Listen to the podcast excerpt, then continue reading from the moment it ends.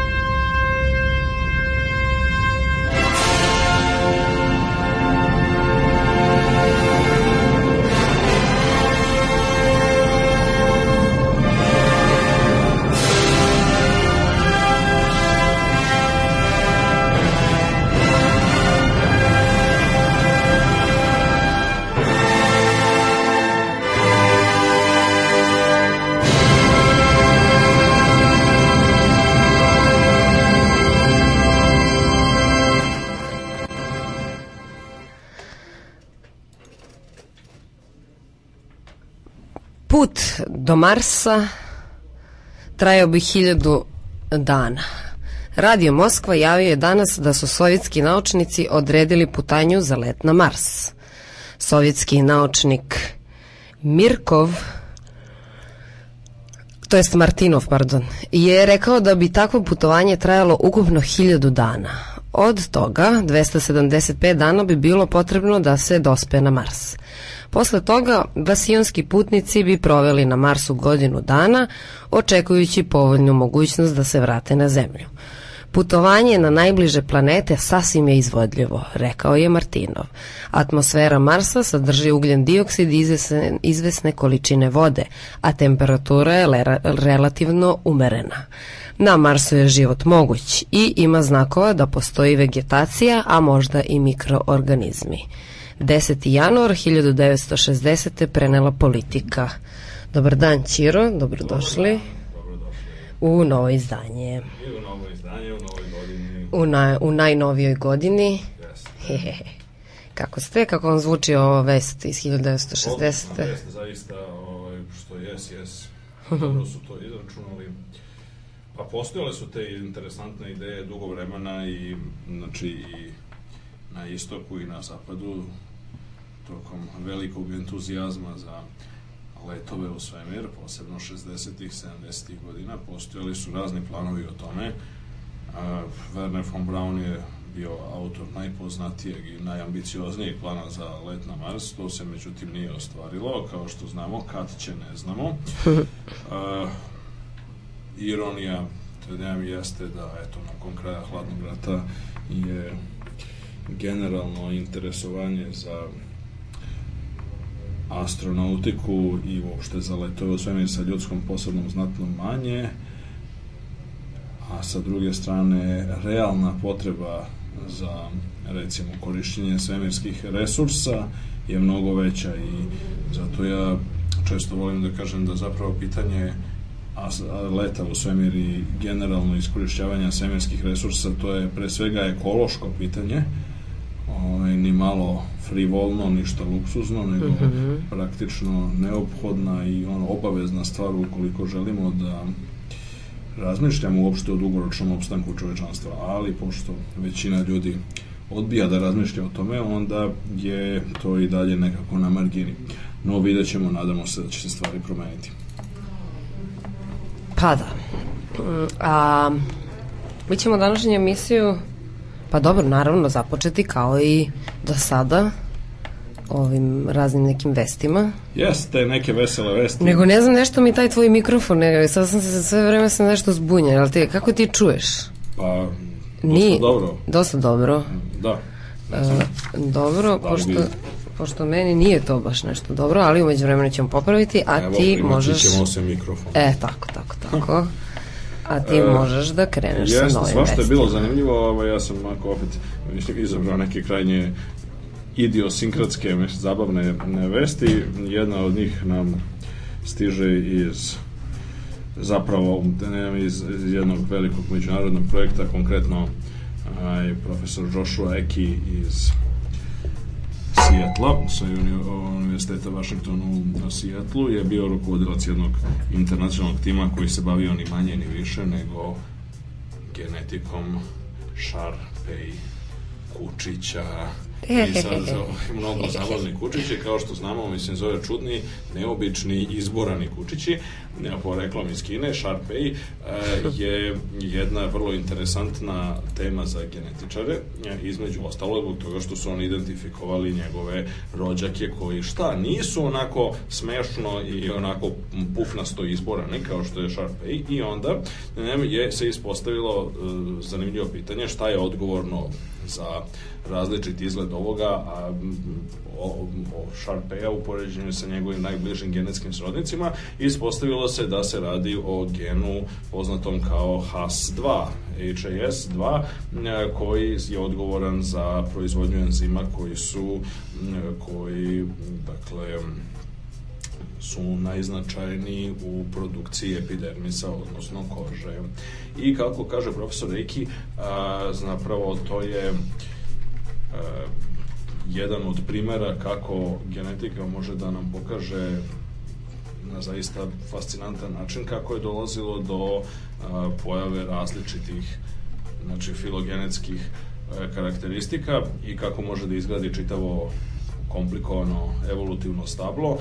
Ovaj put, naravno, uz podršku na neki način podršku pod navodnicima naravno ljudskih odgajivača zato što domestifikacija sivog vuka koja je do koje je došlo pre nešto više od 10.000 godina koja je dovela do pojave oko 400 vrsta pasa koje danas znamo vrsta svaćeno u ne biološkom smislu nego u onome što bi se moglo reći kolokvijalnom, kolokvijalnom mm -hmm. e, žargonu, to nisu to nisu striktno to nisu biološke vrste, recimo onako kako je definisao Ernest Mayer i drugi ovaj, veliki savremeni biolozi koji su se bavili problemima specijacije, odnosno nastanka i evolucije vrsta. E, kako stoje stvari ima oko 400 ako tipova, hajde da kažemo, mi se zove ili podvrsta naših najboljih prijatelja, neki bi rekli, e, i e, kako stoje stvari među njima, e, postoje jasne genetske razlike koje se e, mogu trasirati unazad i u principu se može rekonstruisati, mislim zove ko je sa kim u najbližem srodstvu i u čemu su zapravo promene, koje su to pojedinačne mutacije koje su dovele do pojave ove ili one podvrste.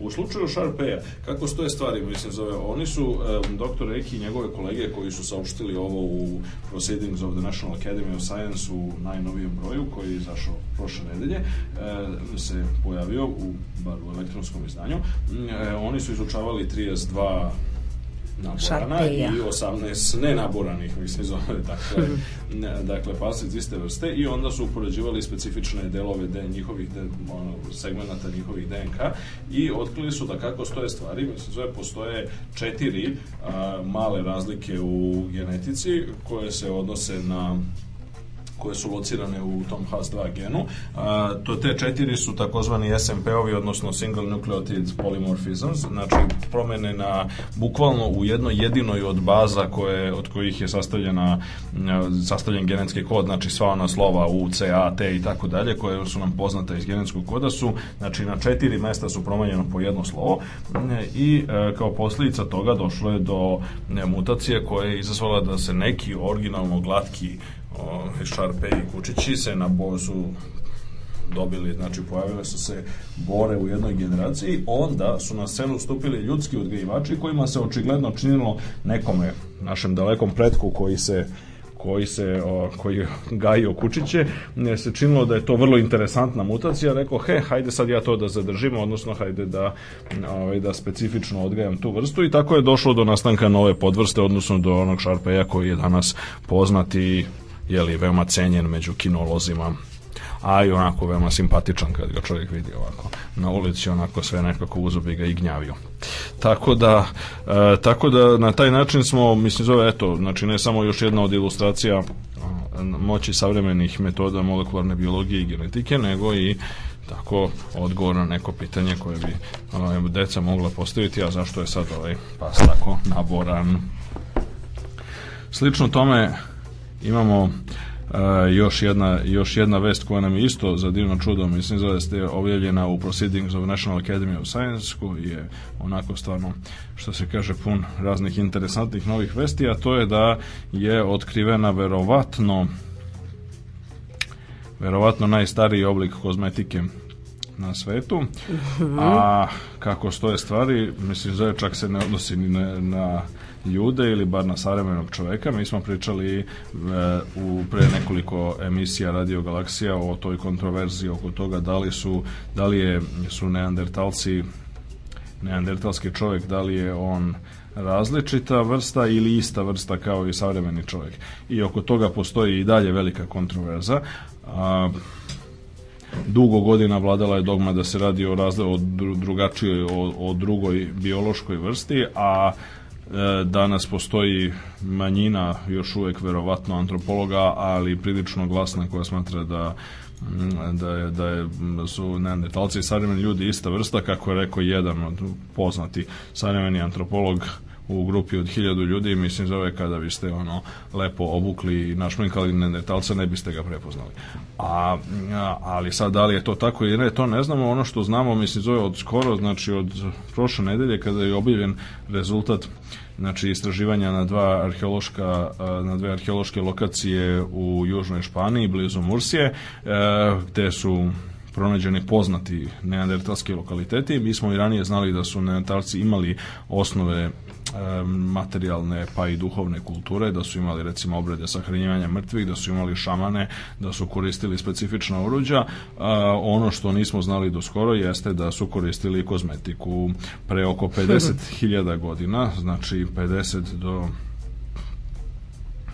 45 do 50.000 godina kako stoje stvari boje sa visokim sadržajem mangana znači tamne tamno, tamno smeđe, ljubičaste i crne boje su pronađene na toj lokalitetu i kako stoje stvari, one su se koristile za jeli, farbanje tela Aha. i znači na e, znači nešto verovatno verovatno slično ratničkim bojama e, domorodaca Severne i Južne Amerike i kako stoje stvari takođe su pronađeni pronađeni su delo pronađeni su gomilice pored ove boje koje je pozitivno identifikovana pronađene mm -hmm. su još ove gomilice i a, žutog i crvenog praha koji je verovatno takođe mislim da je korišćen kao boja a takođe i neke obojene školjke koje su, kako stoje stvari, veštački bojene i vrlo verovatno su bile korišćene kao nakit, mislim zove, znači u jeli, ukrasne, a možda i u verske svrhe. Tako da kako sad stoje stvari, mi se zove ova, znači opet jedna, jedna e, međunarodna ekipa, profesor Joao Zilhao, portugalac inače koji radi na Univerzitetu Bristolu u e, Velikoj Britaniji, koji je bio rukovodilac ove studije, mi se zove, je pokazao da kako stoje stvari, mi imamo sad dodatne dokaze o tome da su da su neandertalci imali jako razvijenu materijalnu kulturu. I sad to naravno nasuprot uobičajenoj predstavi koja je na kraju krajeva deo i pa malte ne postala deo kolokvijalnog žargona, mislim, je li ga se kaže neandertalac, onda se misli na, znači, Neviđeno nerazvijenog čovjeka. Na, neko, na, na nekog, znači, ovaj, u svakom slučaju tupavog i primitivnog čovjeka, kako stoje stvari ovi arheolozi koji se bavili ovima ističu mm -hmm. da je to potpuno pogrešno e, i u suštini da vrlo verovatno da nije došlo do procesa jeli, koji, do kojih je došlo, koji su verovatno bili delom a, prirodni, odnosno klimatski, a mhm. delom opet antropogeni, odnosno posljedica ha, kako da to ovako najblaže eufemistički kažemo, znači invazije i širenja savremenog čoveka, da su nenetalci opstali do današnjeg dana, vrlo verovatno da bi imali civilizaciju i materijalnu kulturu ništa pa, ništa lošiju od one koju mi imamo uh mhm. -huh. danas. Tako da u tom kontekstu, mislim, zove je to još jedan razlog da se emancipujemo od uobičajenog antropocentričnog načina rasuđivanja. Ovo otkriće uze budi rečeno će vrlo verovatno podstaći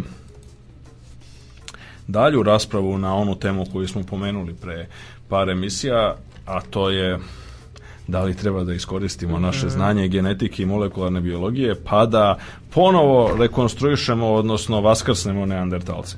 I sad kako se ispostavlja, mislim ja verujem da je već se duže vreme radi na tome u okviru jednog velikog međunarodnog projekta, a, moguće da je to već završeno do danas, a, da samo još nije objavljeno, a to je rekonstrukcija celog genoma neandertalca, kad to bude urađeno, onda će biti čisto tehničko pitanje a, i znači dobro naravno finansijsko mislim zove da li će i etičko da li se treba odvažiti na tako nešto ili ne odnosno da li sad postoji opravdanje mislim da se neandertalci ponovo ili rekonstruišu naravno u današnjem u današnjem okruženju to bi bilo ipak drugačije pošto nedostajala bi nedostajala bi ono prirodno okruženje koje je bilo karakteristično i koje je na kraju krajeva mislim zove formiralo i takvu kakva je bila neandertalska kultura tada uh, sad da li to ima nekog smisla ili ne oko mm -hmm. toga gotovo izvesno da će se pojačati debate u narednim mesecima i godinama mm -hmm.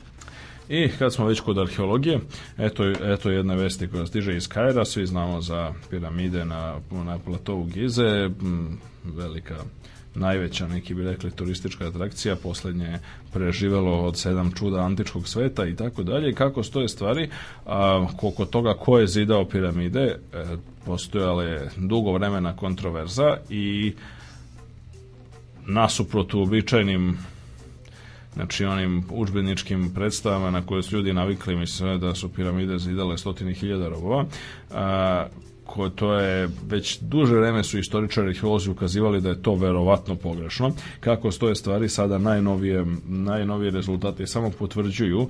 A, to naime pronađeni su u poslednjih nekoliko godina, a evo u ponedeljak su objavljeni e, i rezultati analize nekoliko grobova e, koji su pripadali radnicima koji su radili na, e, na izgradnji piramida i koji potiču iz istog, iz istog perioda kada su Keopsova i Kefrenova piramida podignute. Tako da kako stoje stvari profesor Zahi Havas glavni arheolog koji vođa egipatskog tima za iskopavanje je pokazao i demonstrirao demonstrirao natpise koji su se nalazili na radničkim grobovima, između ostalog znači veliki natpis na zidu, mislim zove gde su se nalazile nekoliko grobnica, mislim zove je nazivao radnike na izgradnji Keopsove piramide prijateljima Keopsa, što je sasvim jasan znak da oni nisu mogli biti robovi. Kako sada stvari stoje, dakle, velike piramide su gradili slobodni ljudi koji su, kako stoje stvari, bili plaćeni za to. -hmm. a, I nasuprot onome što se generalno a, tvrdilo, delimično pod uticajem te naivne istoriografije koja je vladala što na zapadu, što na istoku, kod nas posebno pod utjecajem marksizma i one idiotske podele, mislim, zove stari, srednji, novi vek, pa onda, ne znam, robovlasništvo, feudalizam, kapitalizam, koje naravno gluposti predstavlja proizvod marksističke dogme, a ne realne istorijske nauke, pa se kod nas smatralo da su eto sve države starog veka morale biti robovlasničke i da su njihove privrede bile bazirane na robovlasništvu. Što je potpuno pogrešno, mi to znamo i inače, recimo iz istorije antičke Grčke, mislim da, na primer, ogromna većina grčkih gradova zapravo e, njihova privreda nije se odlučujuće bazirala na robovskoj radnoj snazi. E, da ste u, e, većina većina robova mislim zove u Atini su na primjer bili ljudi koji su koji su se bavili baštovanskim i kućanskim poslovima. Znači onim stvarima koje nisu imale nikakav bitan značaj za privredu da ste ukinuli robovlasništvo, mislim zove ne bi se mnogo što šta promenilo.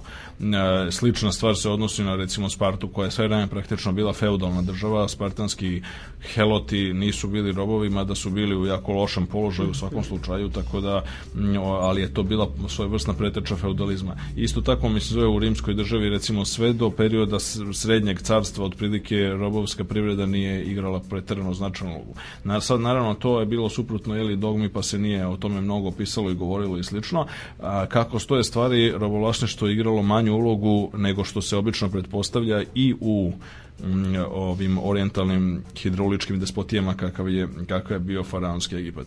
A, ovo, ovo otkriće ovih grobnica i detaljna analiza natpisa pokazuje da zapravo a, je a, naše uobičajeno standardno znanje, mislim da o načinu na koji se stvari radile u starom svetu je daleko manje pouzdano nego što se inače smatralo. Između ostalog, profesor Havas je u ovom saopštenju rekao da je između ostalog pronađeni su i detalji a, korespondencije koja se odnosi na nabavku hrane za radnike piramide, tako da se recimo pokazalo da su farmeri u Delti, znači u severnom Egiptu, slali 21 ovaj, 21 vola i 23 ovce mm -hmm. e, svaki dan da radi izgradnje, radi prehrane graditelja piramide. A piramida i kako stoje stvari izgleda iz ovih podataka se može rekonstruisati zapravo da je bilo manje ljudi nego što e, koji su realno gradili piramide nego što se originalno smatralo. A, praktično još od vremena Herodota, oca istorije, koji je procenjivao da je preko 100.000 ljudi bilo neophodno izgradnju piramida, izgleda da je taj broj bio višestruko manji, Koliko tačno manji, to nije e, moguće utvrditi za sada, ali se kako što je stvari radi na tome, pošto čitav kompleks tih e, grobova radnika koji je počeo da se otkriva 1990. godine, slučajno, e, zapravo nekih otprilike nekoliko stotina metara od, do par kilometara od lokacije samih piramida je nastavlja se i dalje i to je jako veliki posao, to, to ima jako mnogo, mislim zove sajtova, ima jako mnogo grobnica, ima jako mnogo natpisa koji su pronađeni tu, tako da nekako stoje stvari nastavlja se dalje istraživanje, ali izgleda da ono o čemu se počelo od 90. godina govoriti, mislim zove sve glasnije i glasnije, a to je da, da graditelji nisu bili robovi, nasuprot uobičajenom uobičajenom shvatanju izgleda da je dobilo novu i vrlo snažnu potvrdu. Mm -hmm. I sad za, za kraj ovog prvog segmenta koji sam jako odužio jedna ovako jedna ovako optimistička i zabavna vest iz oblasti e, fizike čvrstog stanja i odgovarajuće tehnologije kako stoje Vesela stvari a, uskoro ćemo imati uskoro ćemo imati a, uređaje spravice i razne druge zabavne stvari koje će same da se grade.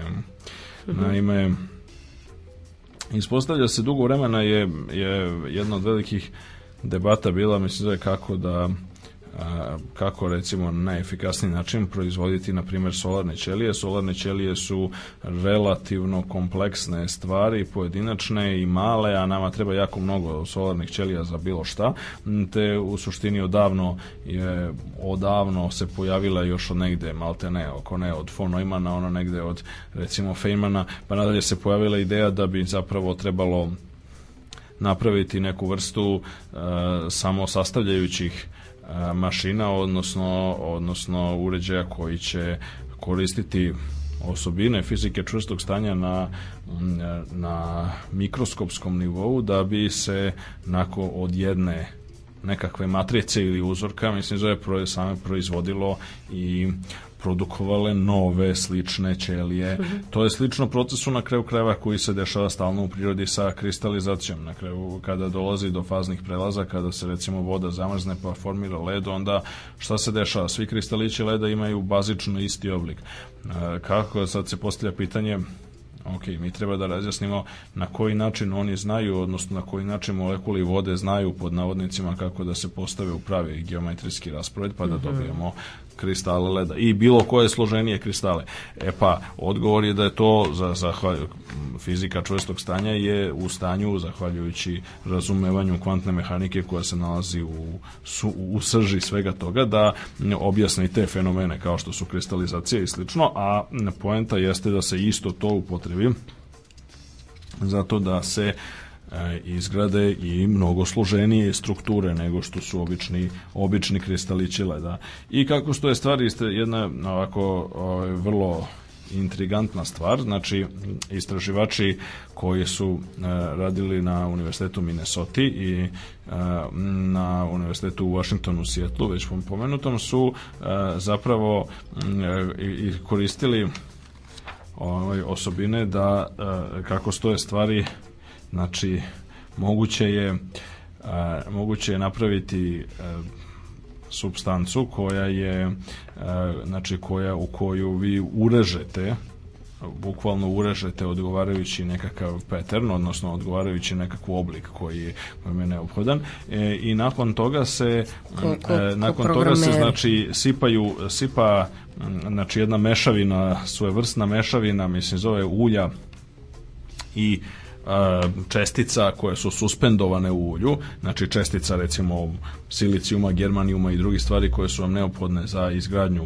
solarnih ćelija u konkretnom slučaju, a potencijalno se to može koristiti za mnoge druge slične spravice e, i onda onda se e, onda se na neki način zahvaljujući tome mislim zove što mi znamo osobine e, ulja mislim onda se na neki način se one čestice raspodeljuju na toj urezanoj podlozi na taj način mislim zove da svaka polako zauzima svoje mesto i s obzirom na to da da onda onda dobijete e, znači na neki način dobijete jedan proces koji se fizičari nazivaju sedimentacijom po analogiji sa sedimentacijom slojeva u prirodi, samo što se ovo naravno dešava daleko brže, mislim, pošto inače ne bi imalo baš mnogo smisla, mislim, zove čekati ono stotine i hiljade godina, jeli, da, da dođe do toga, ovo se dešava mnogo brže, s tim što m, slojevi neophodni, znači tanki slojevi silicijuma i zlata koji su konkretno korišćeni ovde su jako, jako tanki, tako da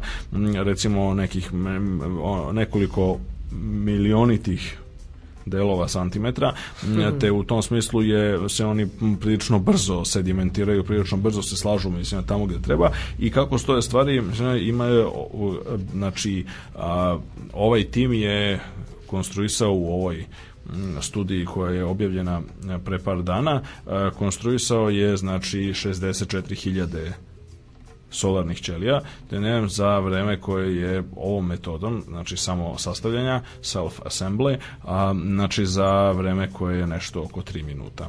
Pa to je fenomenalno. Tako da to omogućuje verovatno, tam, mislim da kako stoje stvari, sve je to još uvijek eksperimentalno i jako skupo, ali omogućuje potencijalno da se prave solarne ćelije koje su daleko, mislim, jeftinije potencijalno gledano, nadamo se daleko jeftinije od sadašnjih, te u tom smislu je samo sastavljanje tehnologija, što se kaže, budućnosti u najbukvalnijem smislu te reči. Tako da ono što može se očekivati kao i u svim drugim stvarima koje su vezane za nanotehnologiju predstavlja onako drastične i velike korake napred. Pa sad obaveštavat ćemo, se, sastavljanje. obaveštavat ćemo o tome naše slušaoce. Da, a u stvari možda ne bi bilo loše samo još da napomenemo da je e, ovaj e, profesor Milan bio u Cambridgeu i da je potpisao neki tamo ugovor Ma, o, dobro, to je- o, o- to pa ne, zaista. pa to je najava jedne knjige. A, biće, ali o tom potom polako. Biće Pa, knjiga, ali ovaj, o tome, Nećeš ništa što se kaže, kažeš. ako Bog da zdravlja, mislim, zove Biće, za jednu biće, godinu dana, da- mislim, zove da, da, nam, ovaj, da nam radio galaksija potraje još jednu godinu dana, pa će biti prilike o tome da se priča zašto da ne. I više informacije o tome. A sad malo da zasviramo. Može.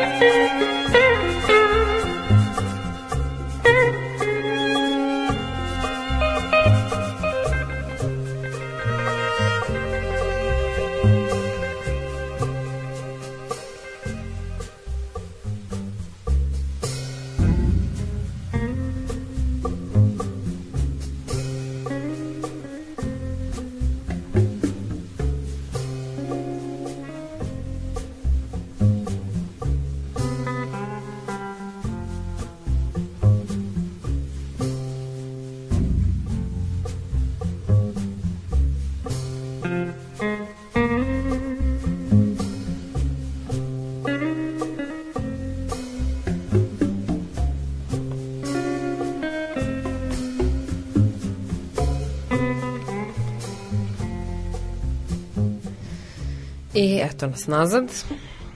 Aha. Um, Ponovo hoćemo da prokomentarišemo link sa Facebook grupe. E, jeste.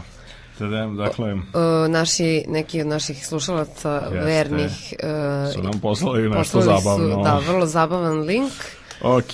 koji zabavan se link. tiče homeopatije. Pa sad, mislim, on se tiče nekih zilion i po stvari, otprilike, Aha. koliko ja uspevam da shvatim, a ne uspevam baš sve, daleko od toga. E, pa link je zabavan i treba ga pogledati Znači, potpuno nezavisno od ovaj, vašeg stava po pitanju homeopatije, zato što a, zapravo on ilustruje jednu sistematsku boljku savremenog e, sveta i savremenog vremena koja je negde recimo, pa maltene od ono viktorijanskog doba na ovamo, jako je teško emancipovati se od toga i o tome smo govorili u mnogo prethodnih emisija, a to je problem pa hajde da to nazovemo najblažim ove terminima, to je problem nerazumevanja čemu nauka služi i šta nauka radi i na koji način se a, iskazi a ja lično uvijek sam smatrao da je najbolje govoriti o iskazima, mogu a, interpretirati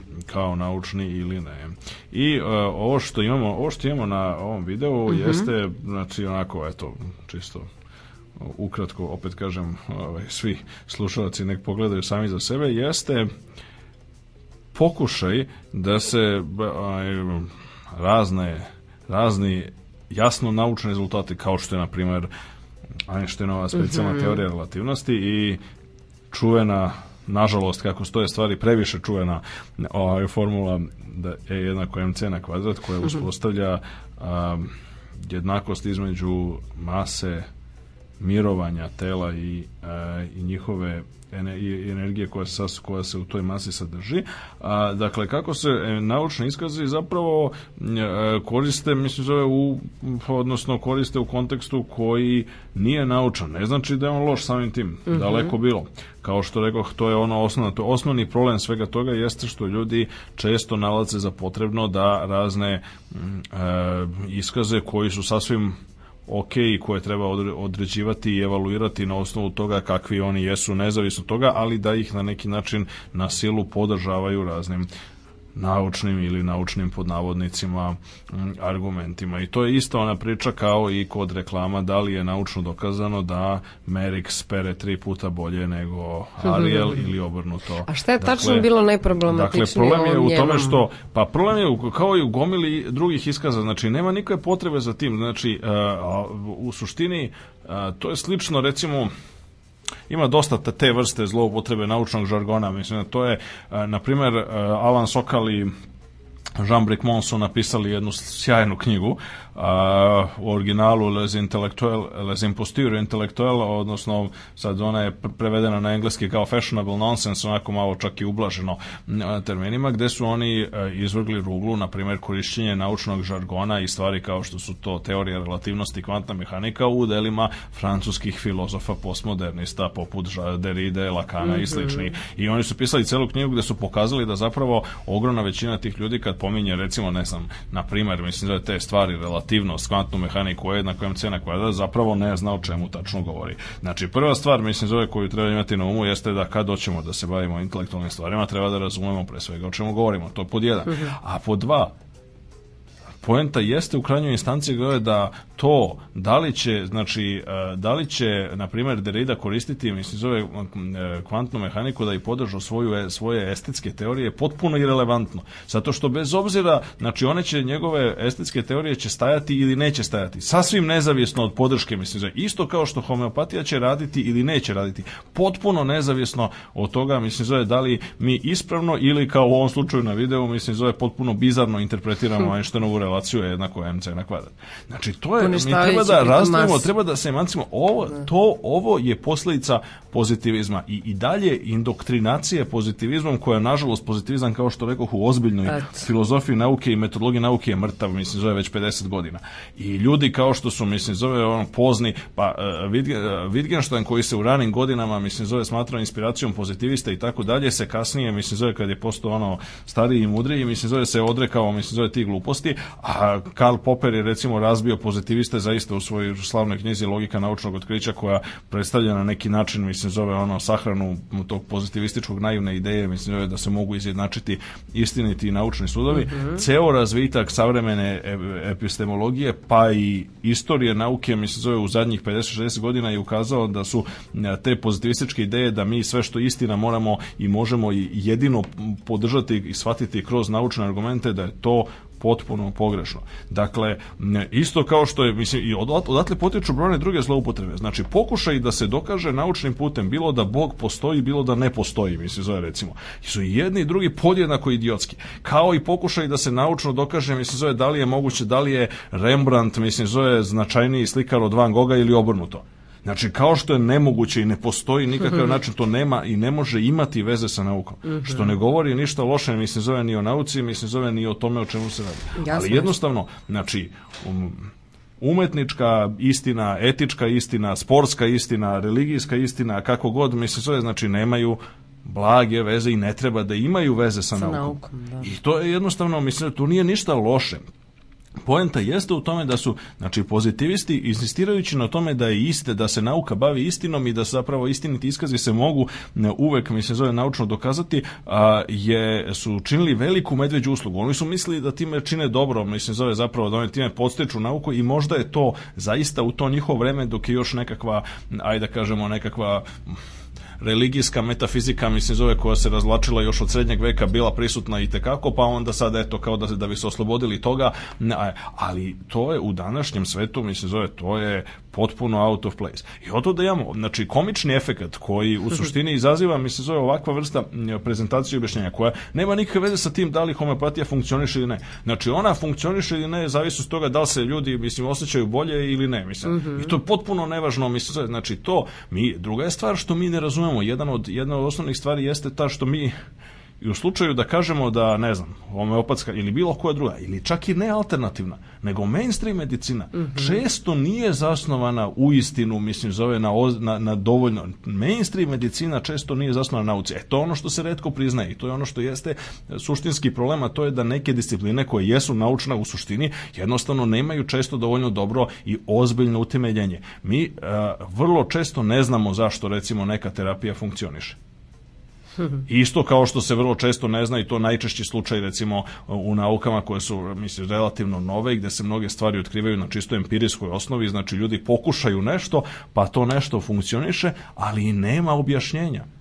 Zašto je potrebno, zašto, isto kao što nema objašnjenja za ovo o čemu ćemo govoriti kasnije u nastavku mm -hmm. ove emisije, kao što nema objašnjenja za porekla mentalnih fenomena. To ne znači, kako zove, da se nauka ne treba baviti, mislim, zove mentalnim fenomenima, daleko od toga, čak bi neki rekli suprotno zapravo to, znači treba više da se bavi time. Ali mi treba da se pomirimo sa tim da ozbiljnog objašnjenja mentalnih fenomena nema, zato što ne postoji teorija koja, mm -hmm. koja to objašnjava. I tu se opet suočavamo, mislim, znači ultimativno koren i pozitivističkih zabluda, a i ovakvih, mislim, zove komičnih, prilično komičnih situacija e, je u tome što ljudi odbijaju da razumeju ono što je glavna lekcija, mislim, zove tog postpozitivističkog pogleda na naučnu metodologiju i epistemologiju, a to je da, striktno govoreći, Znači, možete imati koliko hoćete empirijskih potaka o bilo čemu, ali nema nauke dok ne postoji teorija.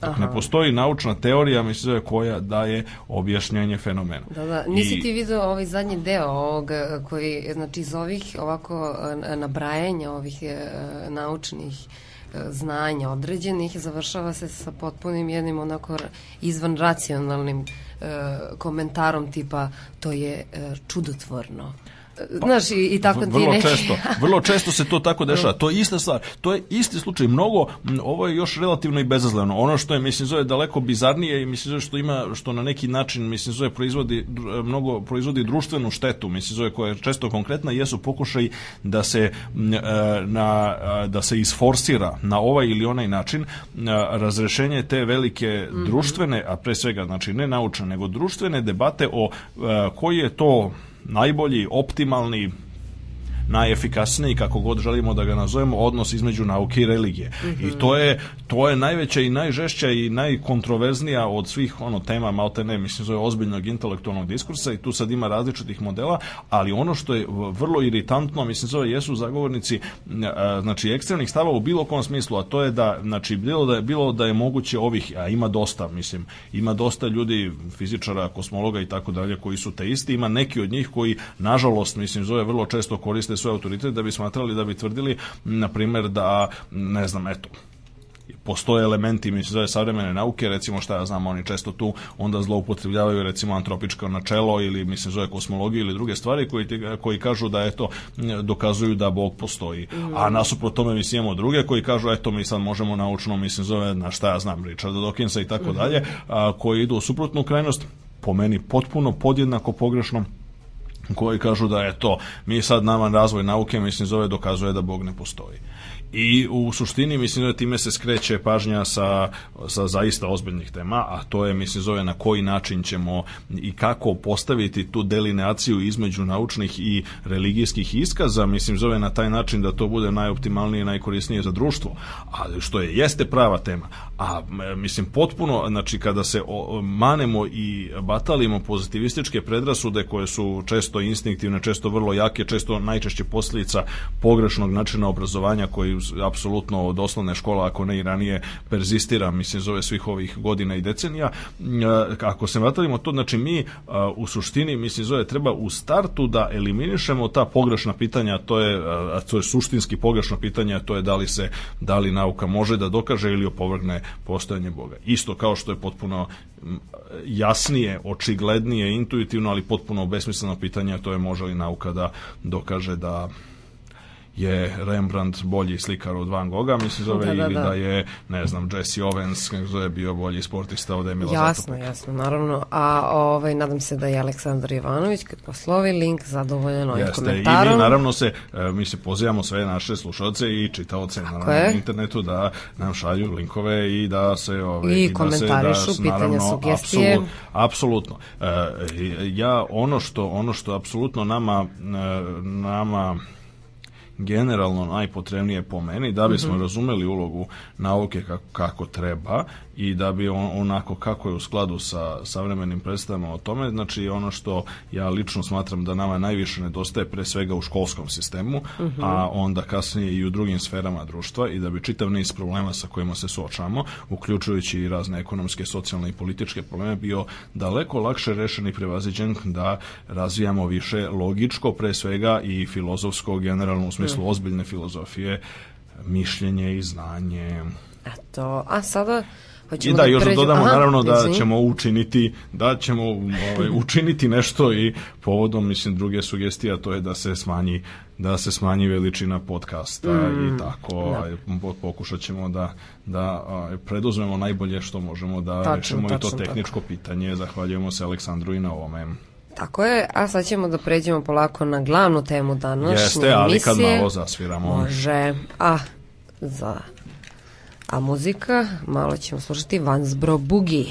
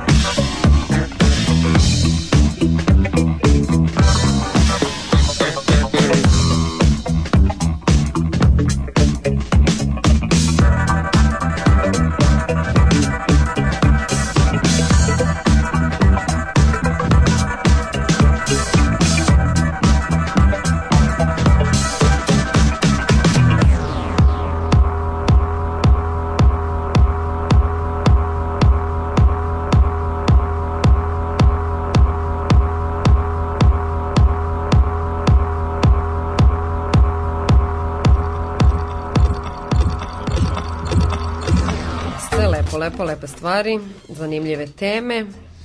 Apsolutno. A mi, dakle, krećemo konačno, evo, posle sat vremena raznih drugih zanimljivosti. Eh, svet je pun digresija. Da.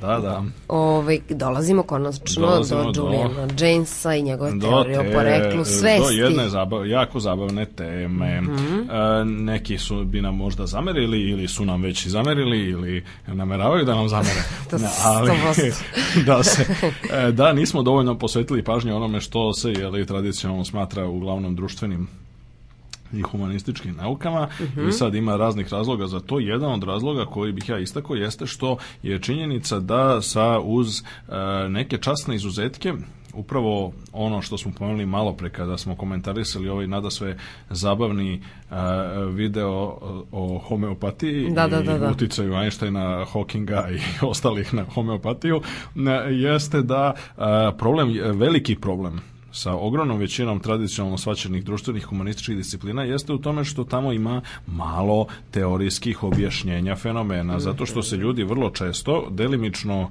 opravdano iz opravdanog skepticizma, delimično iz neke vrste istorijske stidljivosti, mislim zove kad se opet suoče sa raznim pseudonaučnim pokušajima da se daju objašnjenja a, a, fenomena, mislim zove kao što su bile razne razne velike ovako doktrine koje su se tobože bazirale poput recimo marksizma koji su se tobože bazirale u nauci a u stvari su bile ideološke prirode ideološke konstrukcije uh, dakle nešto što je suštinski van naučno Ne, dakle ljudi se često pod uh, tim jednim negativnim uticajem negativnim uticajem tradicije su stidljivi i često oklevaju da daju posebno onako smelije i dramatičnije hipoteze koje bi ultimativno mogle prerasti u teorije koje objašnjavaju fenomene koji se odnose na čoveka, pojedinca i društvo u celini. Um, u psihologiji je to prilično izraženo zato što nakon, iako imamo već jako dugačku tradiciju koja seže unazad u kontinuitetu od, pa u najmanju ruku od Dekarta, ako već ne i od Sokrata, mislim zove na ovamo, ali ajde da kažemo od Dekarta na ovamo, imamo tradiciju filozofskog diskursa o onome što se sve češće, što se naziva često, ne znam, problemom uma i materije ili problemom duha i materije ili uopšte što se svodi na pitanje odakle potiču mentalni fenomeni. Descartes je bio poznat po svojoj dualističkoj koncepciji o tome da mislim zapravo mi znači materija se potpuno podvrgava ono mehaničkim Newtonovim zakonima otprilike, mislim zove znači ne, nečem što je mehaničko, a e, domen e, uma ili duha i mentalnih fenomena je potpuno razdvojen od toga, tako da nema nikakvog nema, nema e, kako bi se reklo korespondencije između fizičkih i mentalnih stanja. Kasnije su razvile brojne druge brojne druge doktrine u onome što se jeli konvencionalno zove philosophy of mind ili filozofija duha ili filozofija uma koje su pokušale da odgovore na to pitanje. Ono je otvoreno i dalje veoma teško neki neki mnogi smatru, očajavaju i smatraju da je ono nerešivo i tako dalje. A, ono se odnosi ne samo znači u poslednjih decenija i vekova se proširilo na čitav niz drugih oblasti, recimo stvari kognitivne nauke generalno, uključujući i stvari kao što su računarske nauke, veštačka inteligencija i tako dalje. Kako da odgovorimo na pitanje da li ćemo, da li možemo ili u ekstremnijem formi da li smo na pragu ili da li smo ostvarili veštačku inteligenciju ukoliko nismo, nemamo teorijsku uvid u to šta je zapravo inteligencija. I slično tome je sa drugim različitim mentalnim fenomenima. A, pokušaj da se, e, da se na neki način dođe do teorije porekla mentalnih fenomena su jedan od ono glavnih stvari, ali opet kažem pod uticajem velikog broja velikih tih naslaga prošlosti i a, pod uticajem percepcije najvećeg dela teorija kao izrazito spekulativnih pa i metafizičkih ljudi se oklevaju i op, mislim preterano su oprezni zapravo što nije dobro. U suštini u postavljanju radikalnih novih dramatičnih teorija o e, funkcionisanju ljudskog uma i uopšte mentalnim fenomenima generalno i e, ovde ćemo da u ovoj današnjoj emisiji mislim da ćemo govoriti o jednoj takvoj radikalnoj teoriji koja se tiče porekla verovatno najsloženijeg i najkompleksnijeg i najmisterioznijeg mentalnog fenomena, a to je svest. Dakle, a, I koliko A je je to- poreklo jedno, relativno jednostavnih mentalnih fenomena, mislim zove kao što su recimo bol ili kao što su razni oblici percepcije, je kao, hajde da kažemo, ljudi smatraju relativno jednostavnije, ako ne, ako ne da, da ga mi ne razumemo daleko bilo od toga u potpunosti, ali u najmanju ruku da ćemo, eto, sa razvitkom raznih eksperimentalnih tehnika, mislim zove raznih novih, ne, em, gomilanjem novih empirijskih nalaza, raznim eksperimentima, što psihološkim, što neurofiziološkim, mm je relativno lako doći do toga i mi sad znamo mnogo više recimo poreklu osjećaja bola nego što smo znali pre 100 godina, mislim zove i to je jedno veliko polje istraživanja a, koje je bitno, mislim zove i naravno za znači teorijsku psihologiju i ali i za gomilu drugih stvari kao što je medicina, farmacija i itd. i sl.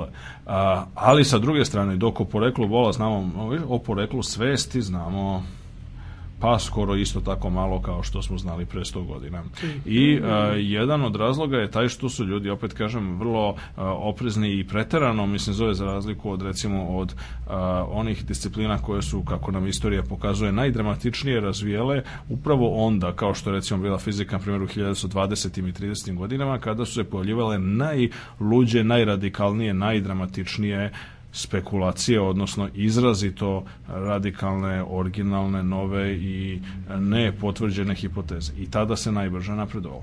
Tako da u skladu sa tim u skladu sa tim Drugim znači, rečima- mi treba da, da, Da. podstaknemo, hajde da kažemo i da istaknemo pozitivne primere ljudi koji su, kao što je ovaj, junak ove naše današnje današnje epizode Radio Galaksije, e, američki psiholog Julian James, a, su koji su bili dovoljno hrabri i drski i smeli da na neki način se suprotstave tom mainstream mišljenju, a James se zaista suprotstavljao mainstreamu na svakom koraku i u raznim aspektima, a, da postave nove i veoma, veoma intrigantne teorije, kao što je u njegovom slučaju zapravo teorija koja ne samo da nije umeđu vremenu u 30 godina koliko je prošlo od njenog objavljivanja, ne samo da nije oborena, nego naprotiv, mislim da je akumulirana je značajna do duše posredna evidencija u prilog njegovoj ideji. E sad, Julian James je bio vrlo ovako zanimljiv kao ličnost generalno. Simpatičan neki čovek. a, pa jedan, pa jeste, mislim da je bio u, u mnogo stvari. A, on je rođen 1920. godine u malom mestu, mislim zove predgrađu, danas predgrađu Bostona, zapadnom Njutnu, a, u Massachusettsu i e, njegov otac je bio propovednik, a, sveštenik unita, unitarijanske op, op, Denominacije konfesije, hrišćanske, mhm. denominacije, da.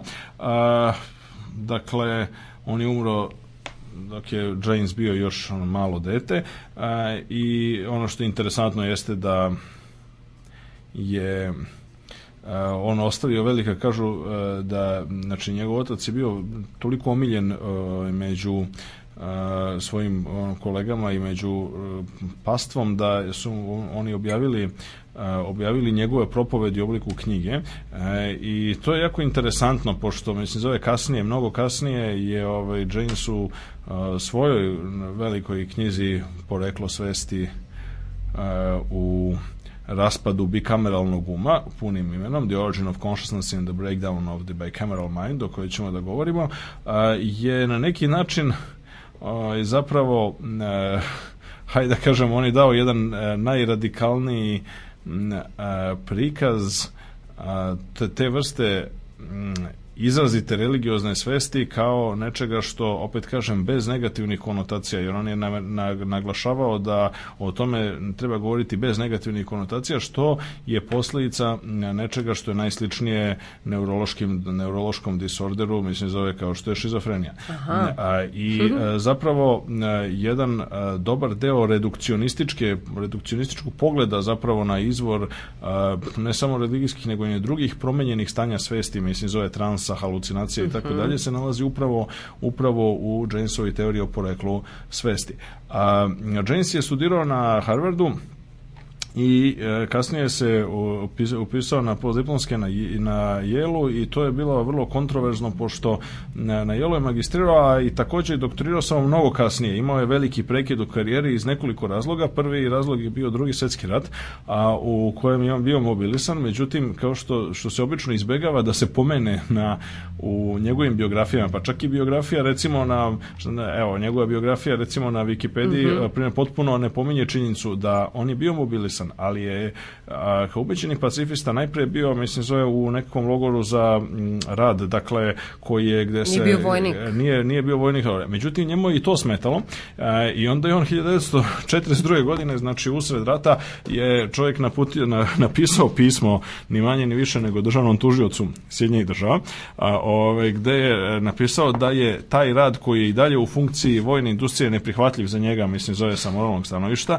ne samo to, nego napisao je da, eto, kao pacifista, mislim, zove ima dva glavna razloga, mislim, zove zbog kojih će napustiti, mislim, zove taj, ne, taj, uh, taj effort i taj kamp tamo. Naime, mhm. prvi razlog je što je, ne znam, taj neki service, Training and Service Act donesen 1940. integralni deo, kako, kako piše James u tom pismu, ratnog napora i, i, i slagati se sa njim, postupati u skladu sa njim, jeste slagati se sa ratnom politikom vlade. A po dva je napisao princip nacionalne regrutacije, je totalitarni princip i, i meni je potpuno neprihvatljivo da prihvatim ovaj da prihvatim to ili vrstu vrstu bilo koju vrstu vlade koja uspostavlja nacionalnu regrutaciju. E, kao posljedica toga on je čovjek mislim pozivajući se pritom mislim interesantno je su tom pismom poziva mislim zove na tri ličnosti, mislim zove jedna je Isus Hrist, druga je e, Mahatma Gandhi, mislim zove, a treća je Eugene Debs, mislim poznati e, sindikalni e, lider i nekoliko puta nezavisni kandidat za američkog predsjednika da. koji je u 19. veku, mislim zove, koji je vodio razne radničke pokrete, štrajkove i, i borbu za ljudska prava.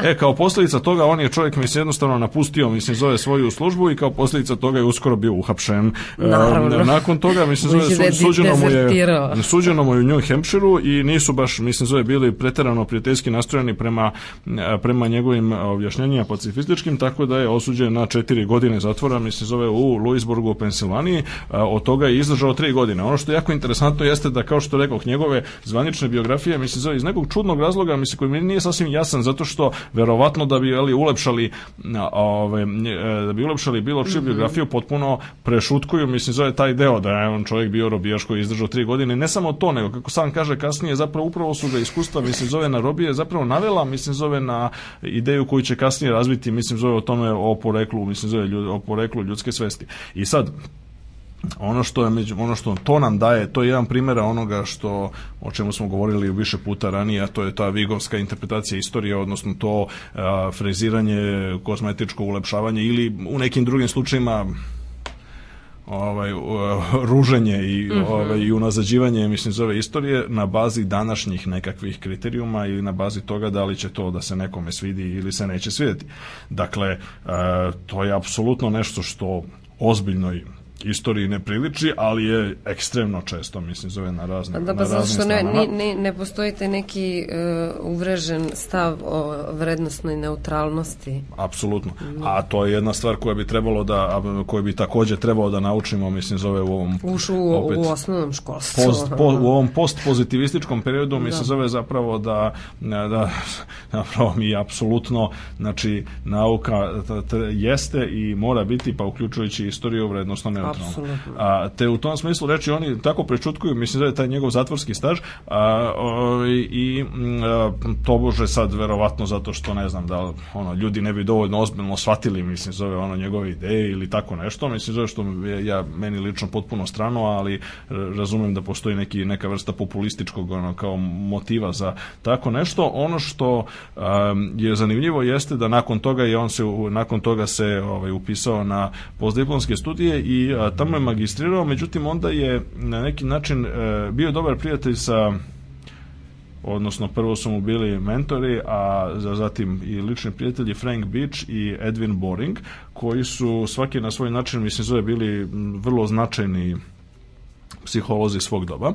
A, i na neki način mislim zove su a, posebno Edwin Boring koji je on je recimo autor jedne od onih najčuvenijih iluzija a, među raznim optičkim iluzijama, takozvana Boringova slika, to je ona čuvena slika, ja sad nemam, ali može, svako može da nađe, mislim, zove mnogo verzija na internetu i u raznim knjigama, to je ona slika koja najizmenično prikazuje ovaj, ono, uh, lepu princezu i ružnu vešticu, mislim, zove u istoj slici, mislim, znači, kad pogledate, kad pogledate, kad samo promenite malo perspektivu, ako otkucate, recimo, boring figure, uh, do, figure. dobit ćete uh, sliku u kojoj se, znači, vidi zavisnosti od toga kako gledate, kako sagledavate kontekst, onda vidite ili, ili ovaj, ili lepu princezu ili staru ružnu vešticu.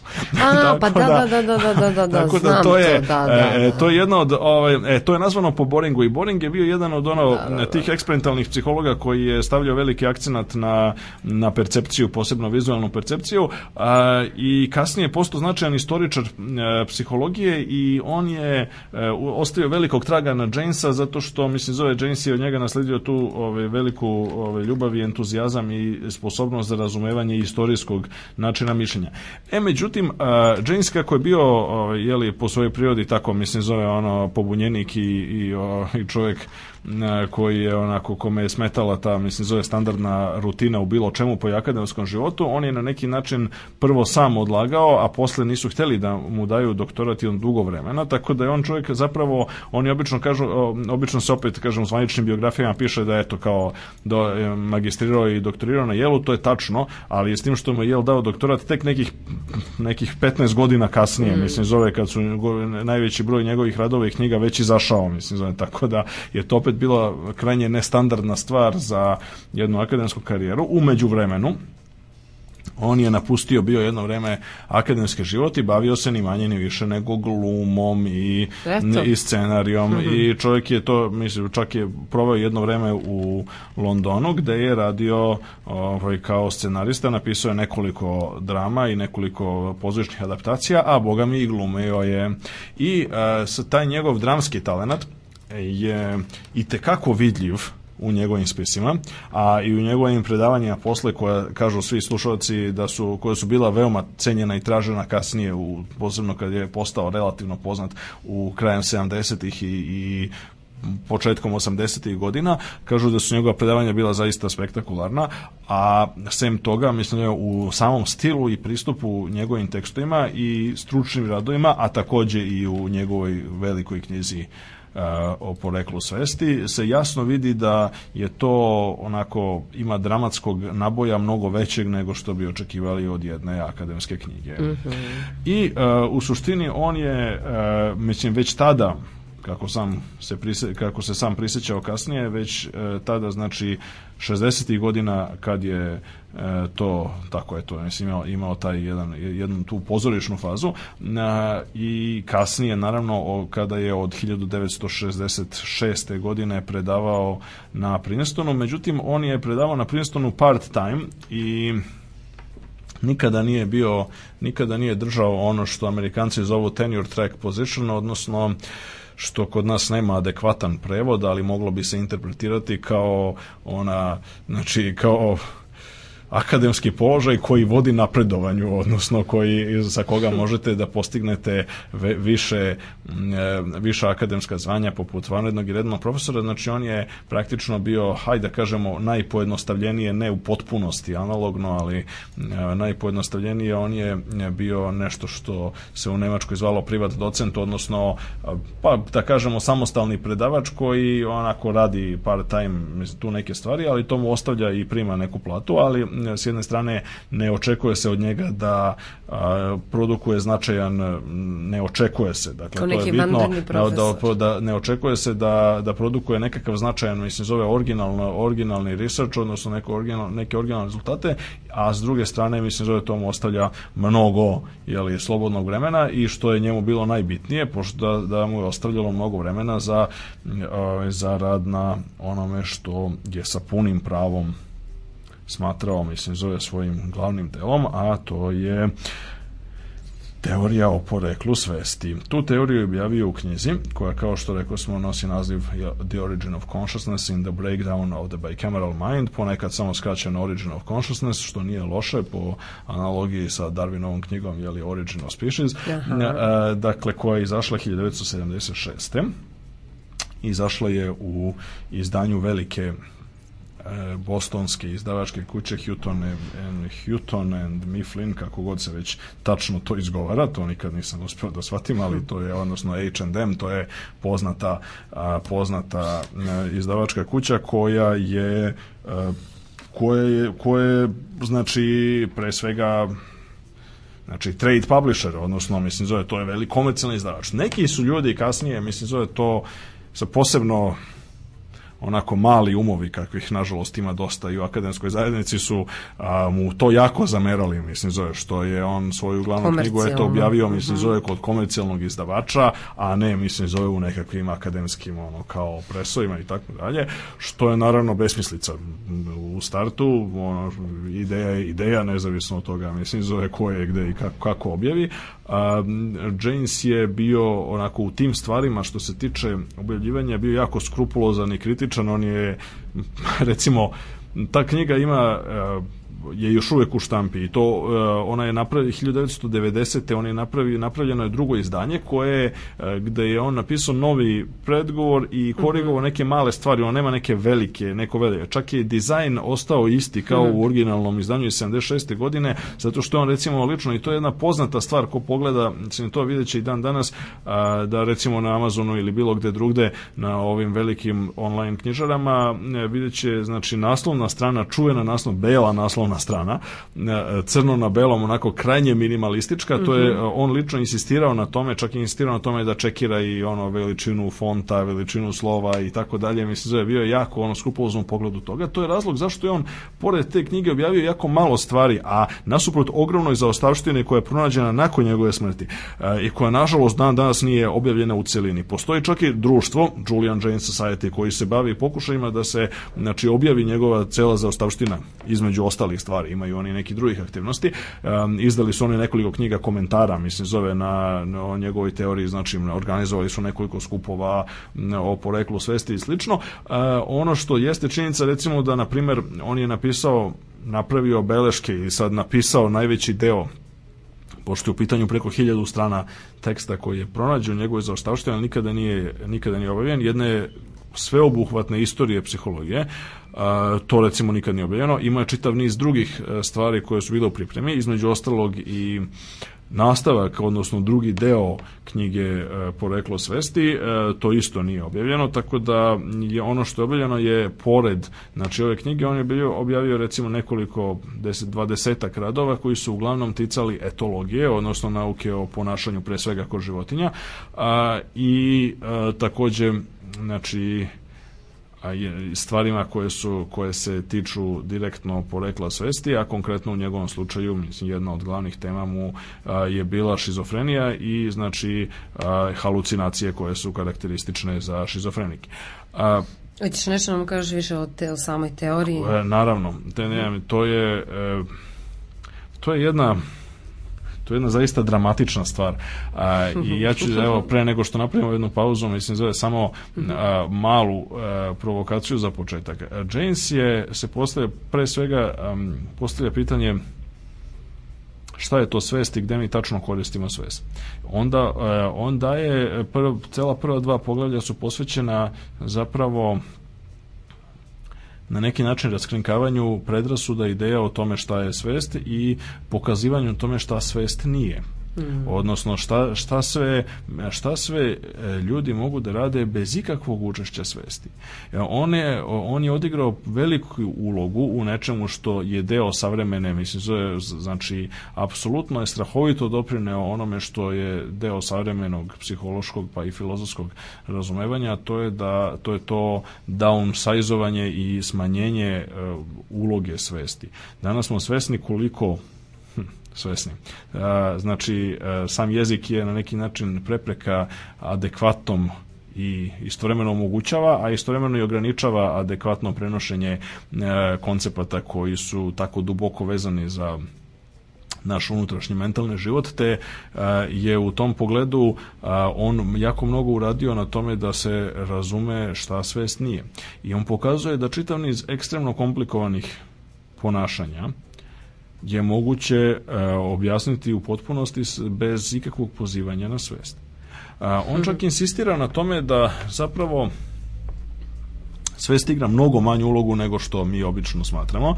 A, moguće je i, i daje fantastične primere za to. Možda najspektakularniji primer jeste primer toga da a, da li je nama potrebna svest za vožnju automobila. Pa odgovor je ne. Zašto? Mislim, zove, to možemo da vidimo stalno. Evo, novim zakonom o saobraćaju i u nas je zabranjeno, na primjer, korišćenje mobilnih telefona, odnosno priča mobilnim telefonom, a, u automobilu. E sad, činjenica da ljudi mogu da pričaju mobilnim telefonom i da voze čak i kroz grad, što nažalost svakodnevno imamo prilike da vidimo, je jasan dokaz da za vožnje automobila nije potrebna svest. Jer svest je recimo u razgovoru, mislim, ili možete raditi čitav niz drugih stvari, kao što James kaže, možete, na primjer, da, ne znam, pevušite neku mm -hmm. melodiju ili možete da razmišljate o poreklu svesti, mislim, zove dok vozite. Ali to ne znači, kako zove, da je vožnja potpuno automatizovana delatnost, zato što razmislimo malo o tome, to ne znači kako da je da vožnja nije serija odgovora na spoljne impulse koji se stalno menjaju. Ako put skreće desno, jasno je da vi nećete nastaviti pravo. Ako put, mislim, zove, ako vidite crveno svetlo, jasno da nećete, mislim, zove, proći kroz njega i tako dalje. Znači, a, svi ti odgovori su i dalje se odvijaju bez prisustva svesti. Kada je svest u vožnji zaista potrebna? Pa odgovor je onda kada vas recimo zaustavi policajac. I onda kada vi vidite nesreću na putu. Znači, tada je potrebno, tada je potrebno prisustvo svesti i tada ćete vidjeti da više nije oportuno ja, da, recimo, pričate i dalje mobilnim mm. telefonom ili da razmišljate o poreklu mentalnih fenomena ako vas zaustavi policajac. To nam automatski daje jednu sliku i matricu onoga što James pokušava da nam saopšti u, celoj, u celini svoje teorije. A to je da zapravo u normalnim uslovima sad kasnije ćemo vidjeti o tome šta je to normalnost. Uh mhm. -huh. u normalnim uslovima svest nije potrebna za ogromnu većinu, ako ne i sve aktivnosti neophodne čak i čoveku u društvima sa razvijenom materijalnom kulturom. Svest je potrebna onda kada se pojave krizne situacije i e, svest o, u kriznim Problemi, situacijama da. kriznim situacijama prisustvo svesti predstavlja bitnu selektivnu prednost u odnosu na ponašanje koje bi sledi bez učešća svesti. I to je ključna tačka. Isto to, znači to, ta scena, mislim, zove to, recimo, vi vozite normalno, a onda vas zaustavi policajac i onda vam ne treba svest. Onda vas zaustavi policajac, onda vam treba, onda vam treba svest, odnosno mnogo bolje ćete se provesti, mislim, zove, ako se sve, svešću vratite, mislim, u tu situaciju, to je paradigma nečega, zašto James smatra da se odigralo na velikoj skali u jednom periodu koji je relativno ili zapanjujuće skorašnje, skorašnje istorije mm. čoveka, mislim, zove pre nekih 3.500 godina, bar u mediteranskom basenu. Kako je to tačno bilo, o tome nakon jedne muzičke pauze. Može.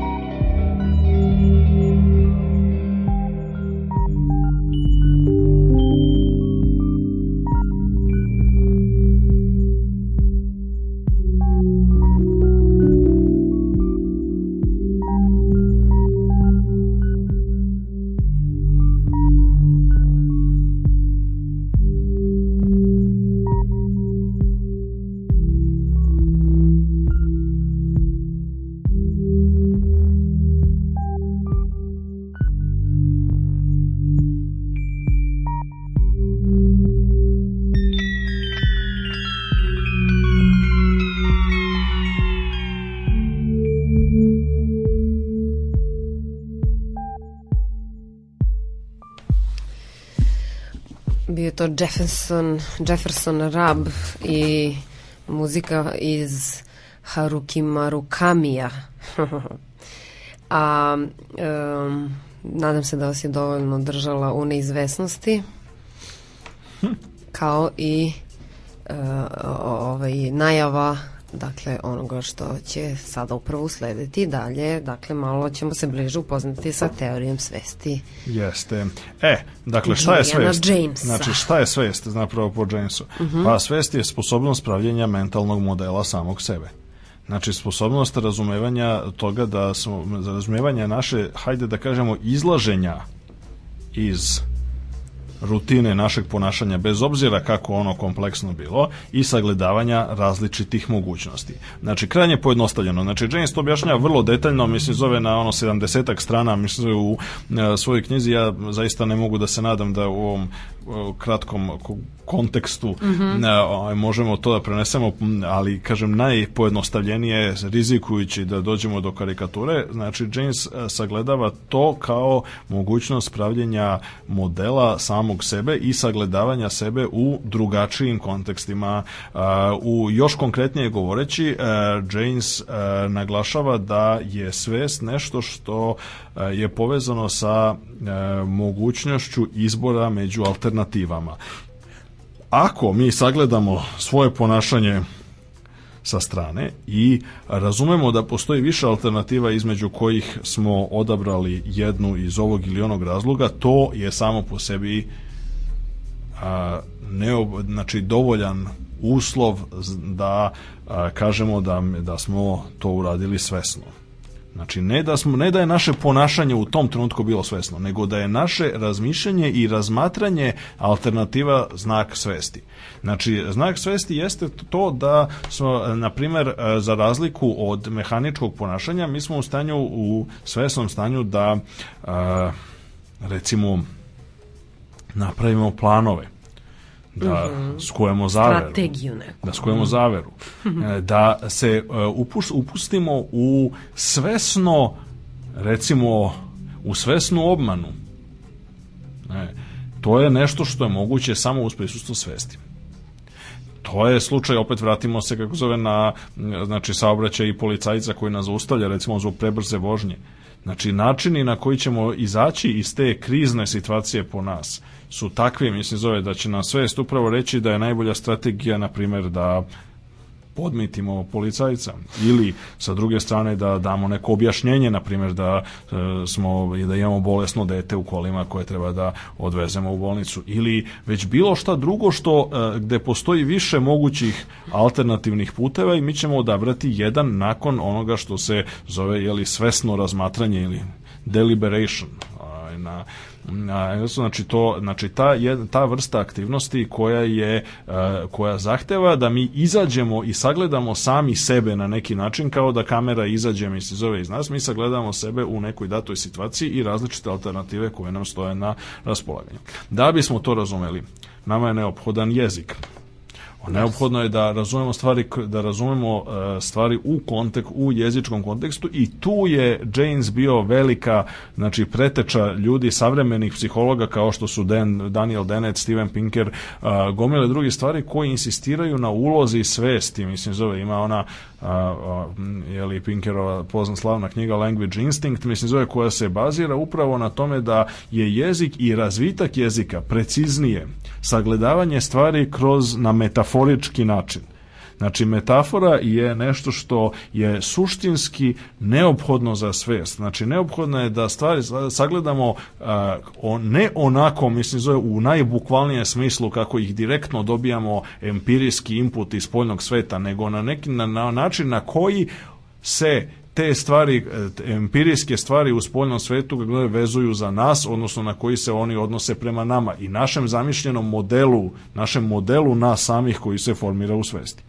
I a, prema tome, James je iz toga samo izvukao, ako to prihvatimo tu osnovnu premisu, onda je on izvukao vrlo logičan zaključak, a to je da svest u tom kontekstu je nemoguća bila pre nego što pre nego što je razvijen, pre nego što je jezik dovoljno razvijen. pre nego što su jeziku pojave e, sposobnosti za metaforičko izražavanje ne postoji u svakom jeziku, mislim, zove u svakom zamislenom jeziku sposobnosti za metaforičko izražavanje. Znači, u najrudimentarnijim oblicima jezika, kakve su recimo oni koji se koriste u raču kompjuterskim naukama, mm -hmm. mislim, zove ne postoji mogućnost metaforičkog izražavanja. I u tome jeste razlog zašto po Jamesu, mislim, zove mi ne možemo da, zašto mi ne možemo još uvek nismo u stanju da konstruišemo veštačku, ako ne, znači, sad da ne ulazimo u to, sad e, delikatno pitanje šta je veštačka inteligencija, ali ne možemo da konstruišemo veštačku svest. Za upravo zbog toga što znači mi ne možemo da još uvijek ne možemo ne možemo da konstruišemo a, svesno da konstruišemo jezik koji sadrži mislim zove koji sadrži mogućnost pravljenja metaforičke interpretacije inputa znači perceptivnih inputa iz spoljnog sveta. Ali to isto to ima ključne posledice za naše sagledavanje istorije čovečanstva. Iz prostog razloga što svi znamo da jezici evoluiraju i da u skladu sa tim mislim se postepeno usložnjavaju i da nekada davno mislim da nisu jednostavno imali imali mogućnost dovoljnog metaforičkog izražavanja i James je samo izveo jedan krajnje radikalan zaključak, a to je da je svest relativno nova pojava. Po Jamesu i celom to, celoj toj e, njegovoj doktrini koja se često naziva bikameralizam, a bikameralizam je izveden iz političkog značenja, mislim da je bikamera znači dva doma parlamenta i to ima vrlo konkretan, e, konkretnu analogiju u njegovoj teoriji, zato što e, zapravo kao što on kaže, postoje, znači u čoveku postoje realno dva uma, pri čemu, mislim, zove je on upravo i naveo jako dobre primere iz drevne istorije a, koji su relevantni za to, a, a to je da je zapravo došlo do, postojalo je ljudsko stanje, mentalitet, način postojanja a, u ranijem dobu koji nije karakterisao svest, koji nije posjedovao svest u savremenom smislu te reči. Po Jamesu, u, što se e, tiče civilizacija koje su nastale oko mediteranskog bazena, znači u Evropi, Aziji i Severnoj Africi, tu se poreklo svesti može trasirati na otprilike oko događaje oko između 1700. i 1200. godine pre naše ere.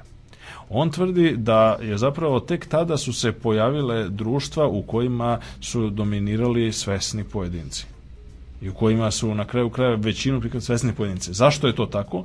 Pa zato što pre toga je e, društvo, e, društva tadašnja, pre, ranija, recimo Sumerska, Staro-Vavilonska, e, su bila ustrojena na taj način da a, su ljudi a, nisu imali svest u savremenom, u savremenom značenju te reči, ali to ne znači naravno da su bili zombi i kako se to često popularno pogrešno interpretira od strane uglavnom protivnika Jamesova teorija ili neke automate i tako dalje. Oni su jednostavno bili najadekvatniji onome što mi danas smatramo pacijentima od šizofrenije, ali što čemu ne treba imati nikakav negativan pristup ili, ne, ili negativan sud. Mislim, kaže James, daleko od toga.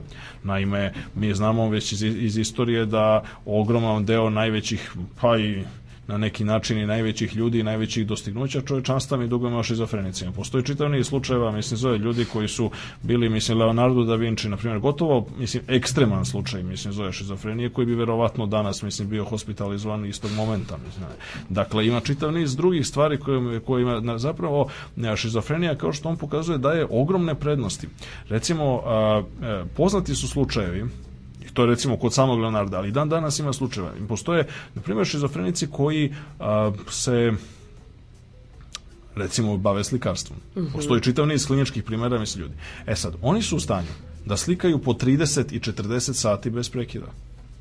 Što apsolutno se ne može, što ne može ni jedan normalan pod navodnicima, mislim, zove čovjek da da ne normalno Zašto? No. Zato što kaže James stvar je vrlo jednostavna.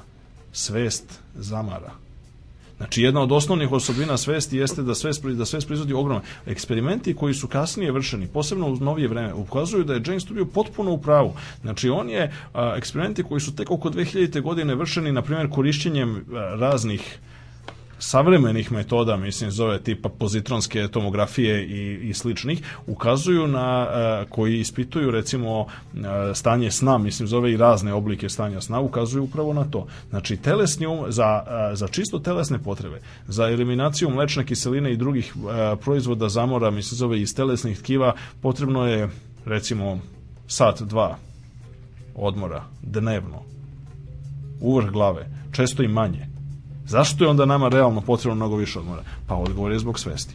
Znači, zbog, znači svest je ono što u suštini jako umara. A, šizofrenici za koje, koji ne posjeduju svest u ovom znači, džensovskom značenju te reči, oni mogu da se bave čak i vrlo složenim aktivnostima kao što je slikarstvo mnogo, mnogo duže vremena i čitav niz drugih stvari. Po Jamesu, znači do negde recimo, kažem opet, uslovno govoreći 15. veka pre naše E, to, to, to. A, društva su, mislim, zove, bila dominirana šizofrenicima. Mm -hmm. Šizofrenici imaju halucinacije, najčešće čuju glasove.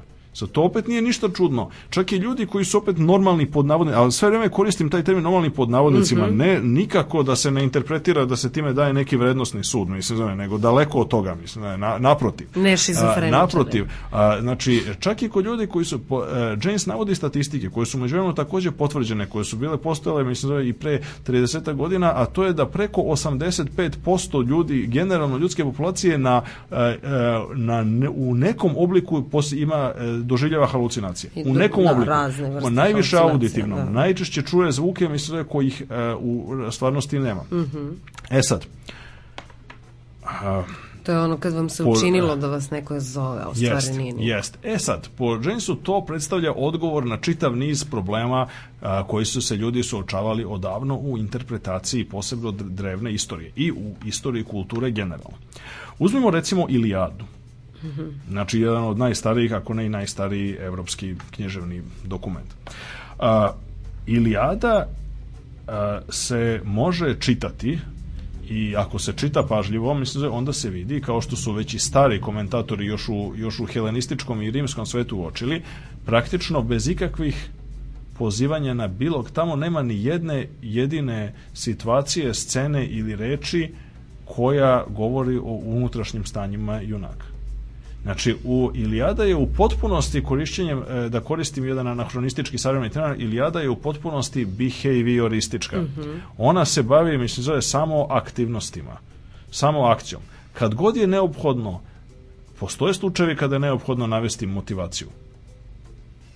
Ahil potegne koplje na Agamemnona i sad, zašto, mislim, zove, i sad u nameri da u gnevu, mislim, zove potegne, međutim ne. Šta ga zaustavi? Pa zaustavi ga boginja Atina.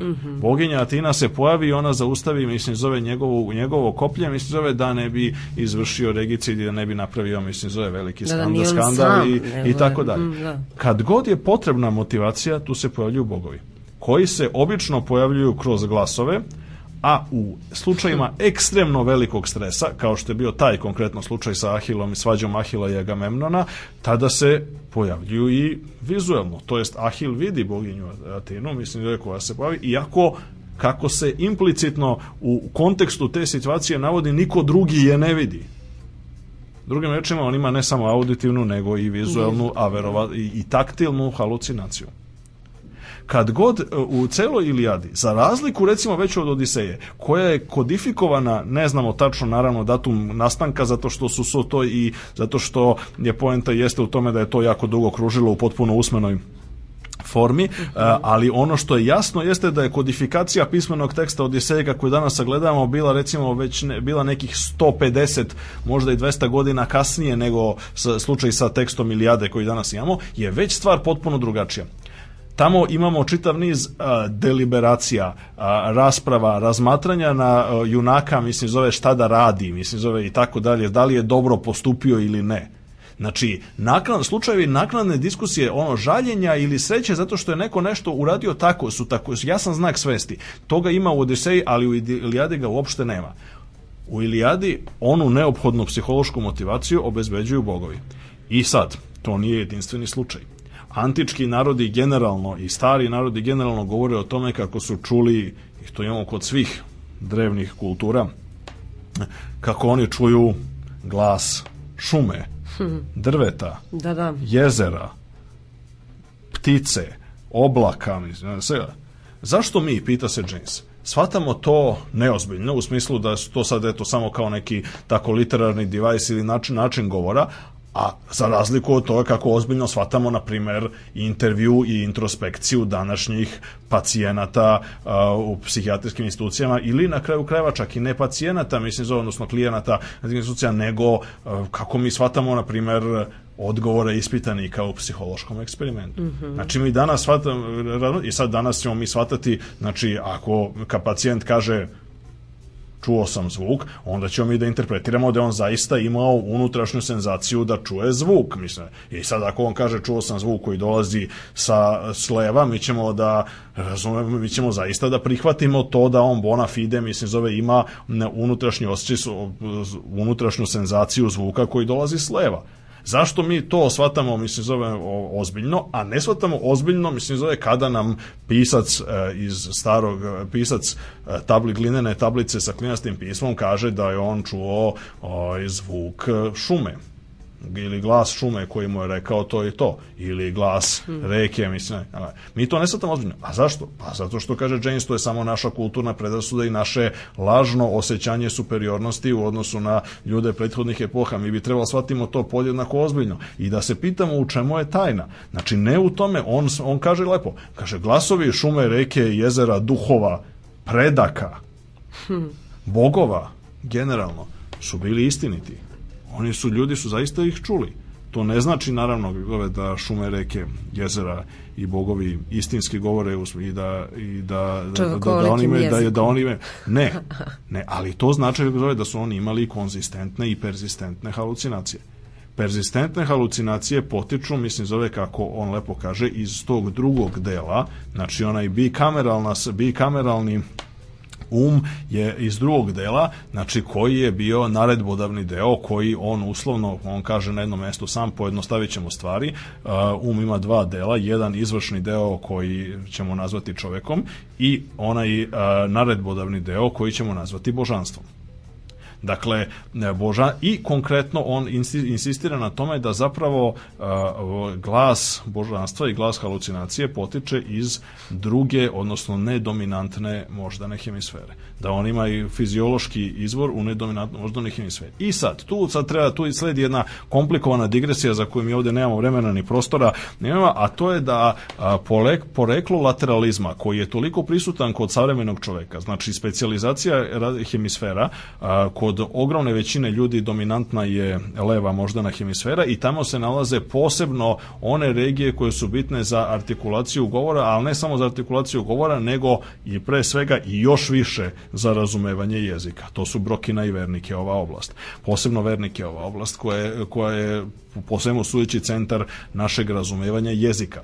Nezavisno od toga da li uspevamo da govorimo ili ne, pošto nije važno, mislim, zove i nemi ljudi, mislim, zove i gluvi ljudi i tako dalje, mogu da razumeju jezik kada im je predočen adekvatno. Ali ako im je oštećena vernike ova regija, onda ne mogu da ga razumeju bez obzira što odlično čuju, odlično vide mm -hmm. i sve ostale stvari. Dakle, vernike ova i brokena regija se nalaze u dominantnoj kod većini ljudi, opet kažem, levoj hemisferi mozga. Šta se nalazi u desnoj hemisferi mozga na njihovom mestu? Pa taj odgovor je bio, to je bila velika misterija i dobrim delom je i dalje velika misterija, a, ali kako stoje stvari proučavanja, mislim zove korišćenjem tih modernih metoda kao što je PET tomografija i slično, ukazuju da se nalazi isto to, samo što je to nekako na neki način zakažljalo neiskorišćeno. Mm -hmm. ja, a, a, po Jamesu radi se o tome da je plastičnost mozga, koja je inače jako velika, mislim za razliku od ovih ostalih tkiva mozak se menja realno u toku bitno fiziološki se menja, znači uspostavljaju se nove veze veze i kidaju se stare između neurona, znači fizičke veze, ne nešto što je metaforično, nego ono što je zaista u, u fizičkoj realnosti se menja tokom života jedinke jako mnogo, za razliku od drugih stvari. Mi ne možemo da promenimo, mislim, zove strukturu naših tkiva jetre, mislim, zove ono neinvazivnim putem, odnosno bez ono neke teške operacije, da. ali struktura mozga se, se, se neprestano menja. A, James tvrdi da zapravo iz nedominantne hemisfere su potez, gla, veza između hemisfera je bila mnogo jača ranije. I sa razvitkom, mislim, ljudske civilizacije, posebno jezika, je jačala lateralizacija, odnosno uh, jačala je jedna komponenta, jedna hemisfera mm. na račun druge, a druga je sve više i više potiskivana uh, i u suštini ona je a, osim u slučajima u kojima nije potisnuta, pa onda govorimo o šizofreniji u današnjem ter, u terminima te reči. Šizofrenici su e, i on slučajevi lečenih šizofrenika su koji su posle opisivali na čitav niz e, čitav opet niz primera e, koje je James dao u knjizi, a to je da e, je zapravo su oni opisivali upravo to. Oni su opisivali kako čuju glasove, znači nešto što bi se potpuno tumačilo religijski u ranijim drevnim društvima. Oni su tumačili kako čuju glasove, glasove koji potiču iz neposredne blizine ili sa svih strana, mislim, zove okružuju, znači koji nemaju izvor, znači nemaju izvor i koji se moraju poslušati. To je jako bitna, jako bitna stvar. On nalazi čitav niz primjera, mislim zove, koji su i jezičke, istorijske, e, paleolingvističkog e, karaktera koji ukazuju na to. Znači, a, drevna sumerska poslovica, izreka, mislim zove, koji kaže ko ne sluša, mislim zove glas bogova, boleće ga glava, mislim. Dakle, u najbukvalnijem smislu te reči, znači ukazuje na to. Ima čitav niz drugih primjera koji ukazuju da u drevnim društvima gde su halucinacije bile u toj meri persistentne, da su sve stvari koje su bile vezane za bogove, posebno u gradovima, državama u kojima se, kojima se identifikovalo recimo Zigurat u Mesopotamiji je bio kuća božanstva ali u najbukvalnijem smislu te reči. Znači, smatrao se da božanstvo zaista tamo fizički prebiva i ko bi ušao tamo, misli zove od svešteničke kaste, misli zove kralja koji je bio glavni steward božanstva i tako dalje, bi zaista video, čuo i sve, bio bi u neposrednom kontaktu sa božanstvom. Ima fantastičnih primjera koje, koje, koje James tamo navodi. Najpoznatiji od svih recimo, verovatno Hamurabijev zakonik. Ko je bio u Luvru, mogao je da vidi stelu sa, Hamu, sa Hamurabijevim zakonikom. Od čega se ona sastoji? Ona ima tri dela. Ima deo, najniže dole se nalazi sam tek zakona, koji su vrlo interesantni, pošto u potpunosti odudaraju od onoga što bi današnja koncepcija zakona uopšte bila. Recimo, Hamurabijev zakonik propisuje šta se radi, ali ne kaže ni prvo ko će, mislim, zove odrediti, mislim, zove, znači, da se, da se to, da se takav sticaj okolnosti desio, i drugo ne kaže ko će odrediti e, da se, ko će sprovesti vršenje odgovarajuće i predviđene sankcije. Dakle, u Hamurabijevom zakoniku postoje zakoni, ali nema ni sudske, a boga mi ni izvršne, odnosno mm -hmm. policijske vlasti. Kako je to moguće? Pa odgovor je moguće je u, ako zamislimo društvo u kome takve stvari jednostavno nisu postojale. Zašto? Zato što se smatralo da zakoni dolaze od božanstva i da se oni jednostavno moraju poslušati. Znači nije bilo potrebe za specijalizovanim organima e, sudstva i on e, jasno pokazuje da sve stvari koje se odnose recimo specijalizovano sudstvo, policija, sveštenstvo kao posebna društvena grupa, sve je to mlađe od 1500 godina pre naše ere. Sve je to kasnije nastalo. Neki su naravno hteli da same sebe proslave, posebno sveštenici, pa su onda sebi trasirali, mislim, zove ono unazad dugačku istoriju, koja je u najvećem broju slučaja potpuno fiktivna nema dokaza da je postojala, mislim, zove sveštenstvo kao izolovana grupa bilo gde na svetu pre 1500. godine pre naše ere. Odnosno, pre raspada onoga što James naziva bikameralnim umom. Zašto je došlo do raspada tada? Pa u mediteranskom bazenu barem, a on insistira na tome da se to dešava u različitim periodima, u različitim mestima, uh mhm. -huh. recimo u Indiji, verovatno i ranije. Nema, u mediteranskom bazenu je negde u periodu između 1700. i 1200. godine pre naše ere došlo do niza kriza, pre svega povećanja broja populacija, kao posledica toga, mislim, zove velikih gladi, migra migracija, epidemija, super erupcija vulkana Tire, odnosno Santorinija, koja se desila oko 1500. godine pre naše ere, koja je izazvala veliku e, uništenje antičke minojske civilizacije na Kritu, mislim zove čitavog niza drugih priobalnih kultura i a, izazvala veliku glad zasipanjem a, poljoprivrednih dobara vulkanskim pepelom. Sve je to dovelo do velike krize. U krizi kao kada vas zaustavi policajac, mislim da prilikom vožnje se mnogo bolje snalaze oni koji imaju svest nego oni koji tu sposobnost nisu razvili. Te u tom smislu su u toj, u toj krizi su ovaj su se pojavile pojavili ljudi su isplivali na površinu, postali su dominantni vođe, kraljevi, lideri, oficiri, mislim da ljudi koji su imali novi način mišljenja, hajde da kažemo tako, novi mentalitet. Mm. Za koji nisu čuli glasove Boga. Do duše bilo je slučajeva i ljudi i ranije koji su na neki način recimo e, postoji fantastična e, sačuvana sačuvana pesma koja se pripisuje Ehnatonu, revolucionarno ili Amenofisu četvrtom, znači faraonu iz 18. dinastije koji izvršio revolucionarni prevrat za njegovo doba i očigledno suviše ran, da je ukinuo praktično kultove dosadašnjih božanstava, pre svega Amona, Ozirisa i drugih i uveo obožavanje sunčevog diska pod nazivom Aton. Onda je shodno tome promenio svoje ime u Ehnaton i napravio preselio prestonicu iz Tebe u svoj novi grad Akhenaton, odnosno Tel El kako, gde se danas nalaze njegovi ostaci, a, i izvršio čitav niz, izvršio pravu revoluciju u religijskom, a onda i u socijalnom i umetničkom i drugim stvarima. E sad, Ehnaton je napisao, to bože njemu se pripisuje, ne znači da on zaista to napisao, napisao je hi, jednu od himni Atonu, odnosno sunčevom disku, u kome kaže eksplicitno, kaže, eto, njegovi protivnici, a posebno moćno Amonovo sveštenstvo iz Tebe, oni kažu da čuju glasove bogova. Ali kako je to moguće kad se, zašto ja ne čujem glas, mislim, zašto se bogovi meni ne obraćaju kad sam ja ipak faraon? Pazi, oni čuju, mislim, zove nešto što ja ne čujem. Dakle, imali, mislim, zove boljeg ono primjera za to i onda je on čovjek zaključio da eto, ako već treba nečemu da se klanjamo, mislim, onda bolje sunč, suncu koje svi vide. Niko ne spori, mislim, zove da sunce postoji, nego tim bogovima koje neki vide, a neki pak ne vide. I uh, to je, recimo, jedno primjera. Dakle, vratimo se na Hamurabijov zakonik. Šta se nalazi na vrhu Hamurabijevog zakonika? Nalazi se fantastična slika na kojoj je prikazan vrhovni bog Vavilona Marduk, koji predaje kralju Hamurabijevu zakone. E sad, kako to izgleda? Pa oni su, Marduk sedi na tronu i jedino što ga zaista, oni, je, oni jako liče međusobno pre svega, znači Marduk i Hamurabi, kogod pogleda tamo. Jedino što Marduka razlikuje jeste to što on ima taj vatreni plašt, mislim zove oko sebe, pa to je kao znak i što on sedi na tronu, a ovaj stoji. Ali oni su jako blizu, na dohvat ruke. Marduk pruža ruku, mislim zove ka Hamurabiju. Cela scena, mislim zove je praktično, znači kao nekakva debata ili vrlo prisan razgovor između jako bliskih ljudi. Ja i koji su koji deluju potpuno dodirljivo. Oni imaju snažan uh, on eye contact, mislim zove kako mm -hmm. bi se mhm. reklo izme, izme prikazano tu. To je karakteristično, mislim zove kako James lepo kaže za stari mentalitet. Za onaj mentalitet u kome su bogovi bili fizički prisutni, odnosno izgledalo je da su fizički prisutni, da, da se čuju, da smo sa njima u kontaktu.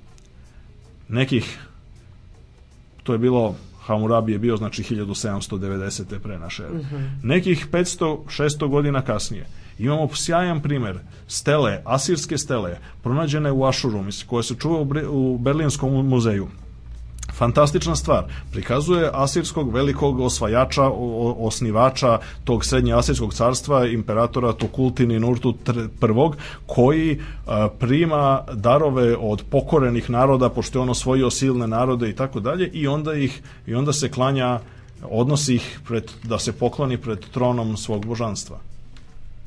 Kakva je razlika između te, te dva prikaza? Pa razlika je ne može biti dramatičnija. Naime, tron pred kojim se asirski vođa, mislim, zove klanja i pred kojim ostavlja poklone je prazan. Na tronu niko ne sedi. To je prvi primer, mislim, da se pojavljuje koncept nevidljivog božanstva. Ikada. Kasnije su to naravno preuzeli jevreji, pa hrišćani, pa muslimani i dakle sve ove mislim zove velike monoteističke religije. Mm -hmm. Znači oni su preuzeli taj koncept mislim zove nevidljivog, sve prisutnog, ali nevidljivog i empirijski nedostupnog božanstva. On se prvi put pojavljuje u Asiriji. Uh, on je potpuno suprotan onome mislim zove što smo imali u doba Hamurabija. Zašto? Zato što po Jamesu on predstavlja promenu mentaliteta. Sada imamo unikameralni mentalitet, znači u kome je jedna hemisfera dominantna, u kome postoji svest i u kome kako asirska recimo istorija baš naglašava za razliku od prethodnih civilizacija na tim prostorima a, je potrebno održavati društveni poredak društveni poredak više nije onako miroljubiv harmoničan kakav je bio ranije nego je neophodno održavati silom. Zato imamo institucije sile birokratiju policiju sudstvo zato imamo kriminal. Da. kriminal takođe mislim je je relativno po relativno nova pojava i proizvod nastanka svesti odnosno početak dominacije svesti. Ima jakih, gotovo je zapanjujuće, to je arheologija od uvek zapanjivalo, što stare civilizacije, znači one koje su bile znači 2000 godina, 3000 godina pre naše ere, gotovo da nema nikakvih tragova kriminalnih aktivnosti. U, u ogromnom broju sumerskih gradova, znači sumerski gradovi, svi koji su iskopani do danas detaljnije, Uruk, Lagaš, e, Nipur, e, privatne kuće, uključujući kuće, kuće najbogatijih ljudi, aristokrata, kraljevske porodice nisu imale vrata. I ne samo to, nego ovaj u nekim od kuća je bilo je bilo tačnih naznaka da zapravo postojalo na vratima je postojalo u, na ulazu u kuće postojala je oznaka mislim zove gde bi se stavilo a, gde bi se stavio beli ili crni kamenčić u zavisnosti od toga da znači da se da vlasnik označi da nije kod kuće. Zato što, mislim, zove ko bi ga inače poseti, besmisleno je da ga neko poseti ako želi da ga poseti, ako on već nije kod kuće. Dakle, ovaj poenta jeste u tome da znači te, pri, sve priče o prvobitnom raju, o drevnom, o padu, recimo o biblijskom padu čoveka i tako dalje, o tome imaju po Jamesu utemeljenje u tome što je bikameralni svet zaista bio, mislim zove mnogo harmoničniji u tom nekom socijalnom smislu bez obzira što je bio nastanjen i što su njemu potpuno dominantni bile nešto što bismo danas smatrali šizofrenicima. Ali je on ali je kao posledica toga on ima mnogo veći stepen socijalne mislove i društvene kohezije što je naravno donekle bila posledica činjenice da su svi ti gradovi odnosno sve te sva ta antička društva bila jako mala ta drevna društva su bila jako mala. I kao posledica toga onda, onda su oni, onda je na neki način, mislim, zove se, a, bilo je moguće smatrati, kako zove, da božanstvo ima neposredan fizički kontakt, mislim, zove sa svim članovima zajednice to sa razvitkom prvih velikih država i sa ekspanzijom, sa pojavom carstava kao što je Asirsko i kasnije, mislim, zove razne Persijska i Persijska i druga, više nije bilo moguće. I, naravno, ima čitav niz drugih veoma zabavnih posledica ovaj, Jamesove teorije o skorašnjem poreklu svesti, koje mi sad nemamo vremena ni mogućnosti e, da izlažemo. Jedna od stvari koju naglašava jeste da taj, ta, ta, ta promena nije bila nagla. Ona je bila postupna i mnogo kasnije su je bilo još jako mnogo ljudi koji su zadržali stari mentalitet, koji su mhm. čuli glasove. Ko su bili te ljudi? Pa, ljudi kao što su proroci, recimo proročešte u Delfima i, i kasnije koje je u mnogome u, uh, imalo, imalo taj uh, jedan od odraze starog bikameralnog uma, uh, onda razni vizionari, mm -hmm. sveci, Jovanka Orleanka, pa i razni ljudi koji su i ljudi kao što su Leonardo da Vinci i, i brojni, brojni drugi ljudi koji su imali na neki način koji to, to su bili tragovi. On nalazi u poslednjem poglavlju svoje knjige koje je jako zanimljivo, nalazi tragove te vestiži, što bi rekli a, ostatke, mislim zove bikameralnog mentaliteta u umetnosti, u politici, u nauci takođe. Jer izraz težnja ljudi, mislim zove, da daju uh, velike uh, me, globalne, proročanske tako reći mesijanske tendencije, mislim zove da, da imaju, to je isto kaže čak i u naučnom, znači odraz a, želja ljudi da daju sveobuhvatne a, teorije, objašnjenja, daju neka krupna objašnjenja je takođe izraz a, izraz ostatka, mislim, zove tog drevnog mentaliteta kada se smatralo da istina dolazi od božanstva, a božanstvo se čuje, mislim, zove kroz odgovarajuće glasove. I uh, poenta uh, znači je vrlo interesantno, mislim ogroman broj posledica i raznih krajnje krajnje e, egzotičnih, ali krajnje zanimljivih posledica Jamesove teorije, koja, kako on sam naglašavao već u predgovoru, mislim, zove prvom izdanju knjige, je, eto, kao vrlo verovatno će, on je sam to onako vrlo skromno nastupao, rekao vrlo verovatno će ovo biti vrlo brzo odbačeno kao spekulacija, kako se ispostavilo, to ne samo da nije bio slučaj, nego su nego imamo priliku da prisustujemo od poznih 90. godina jednoj velikoj renesansi interesovanja za Jamesovu teoriju, posebno što su neke od njegovih ranih predviđanja, kao što su bila ta o lateralizaciji hemisfera i, de, i regiona za razumevanje jezika u dominantnoj i nedominantnoj hemisferi su bila zapravo potvrđena korišćenjem, mislim, za ove raznih tehnologija snimanja i skeniranja, skeniranja mm -hmm. ljudskog mozga koje su danas na dostupne. Kako stoje da. stvari, mislim, zove da Jamesova teorija je inspirisala brojne ljude, ne samo filozofi i psihologije koje, ove neke kao koje smo pomenuli, nego i razne pisce, između ostalog, recimo Viljema Baroza, ne, koji je otvoreno priznavao, mislim, zove svoj, svoj, svoj dug e, Jamesu i Jamesove knjizi, ali brojne savremene pisce, recimo kao su Neil Stevenson, Ken Wilber i, i mnogi drugi. A, on čitav niz pokret za uh, jedno, jednu vrstu um, ponovnog promišljenja i uh, razmišljanja o ulozi uh, halucinacija, mislim zove posebno halucinacija u mentalnoj, mentalnim obolenjima i problemima je bio podstaknut Jamesonove teorije i to traje i do dana današnjeg. Te u tom smislu ima čitav niz velika debata, ima znači knjige kao što su recimo ova knjiga pod naslovom Reflections on the Dawn of Consciousness, mm -hmm. ne, koja je a, izraz jedan zbornik radova, mislim zove sastavljen 2006. godine, ne, nam govori o tome da je rasprava i debata o Jamesovoj teoriji i dalje vrlo živahna. Te u tom smislu reči, evo, nadamo se da smo uspeli malo da zainteresujemo slušalce da. za nešto što je onako sasvim drugačije nego ono što se obično, do sada obično, obično uči, ovaj, uči ili što, što, su, što su već do sada čuli. Mm -hmm.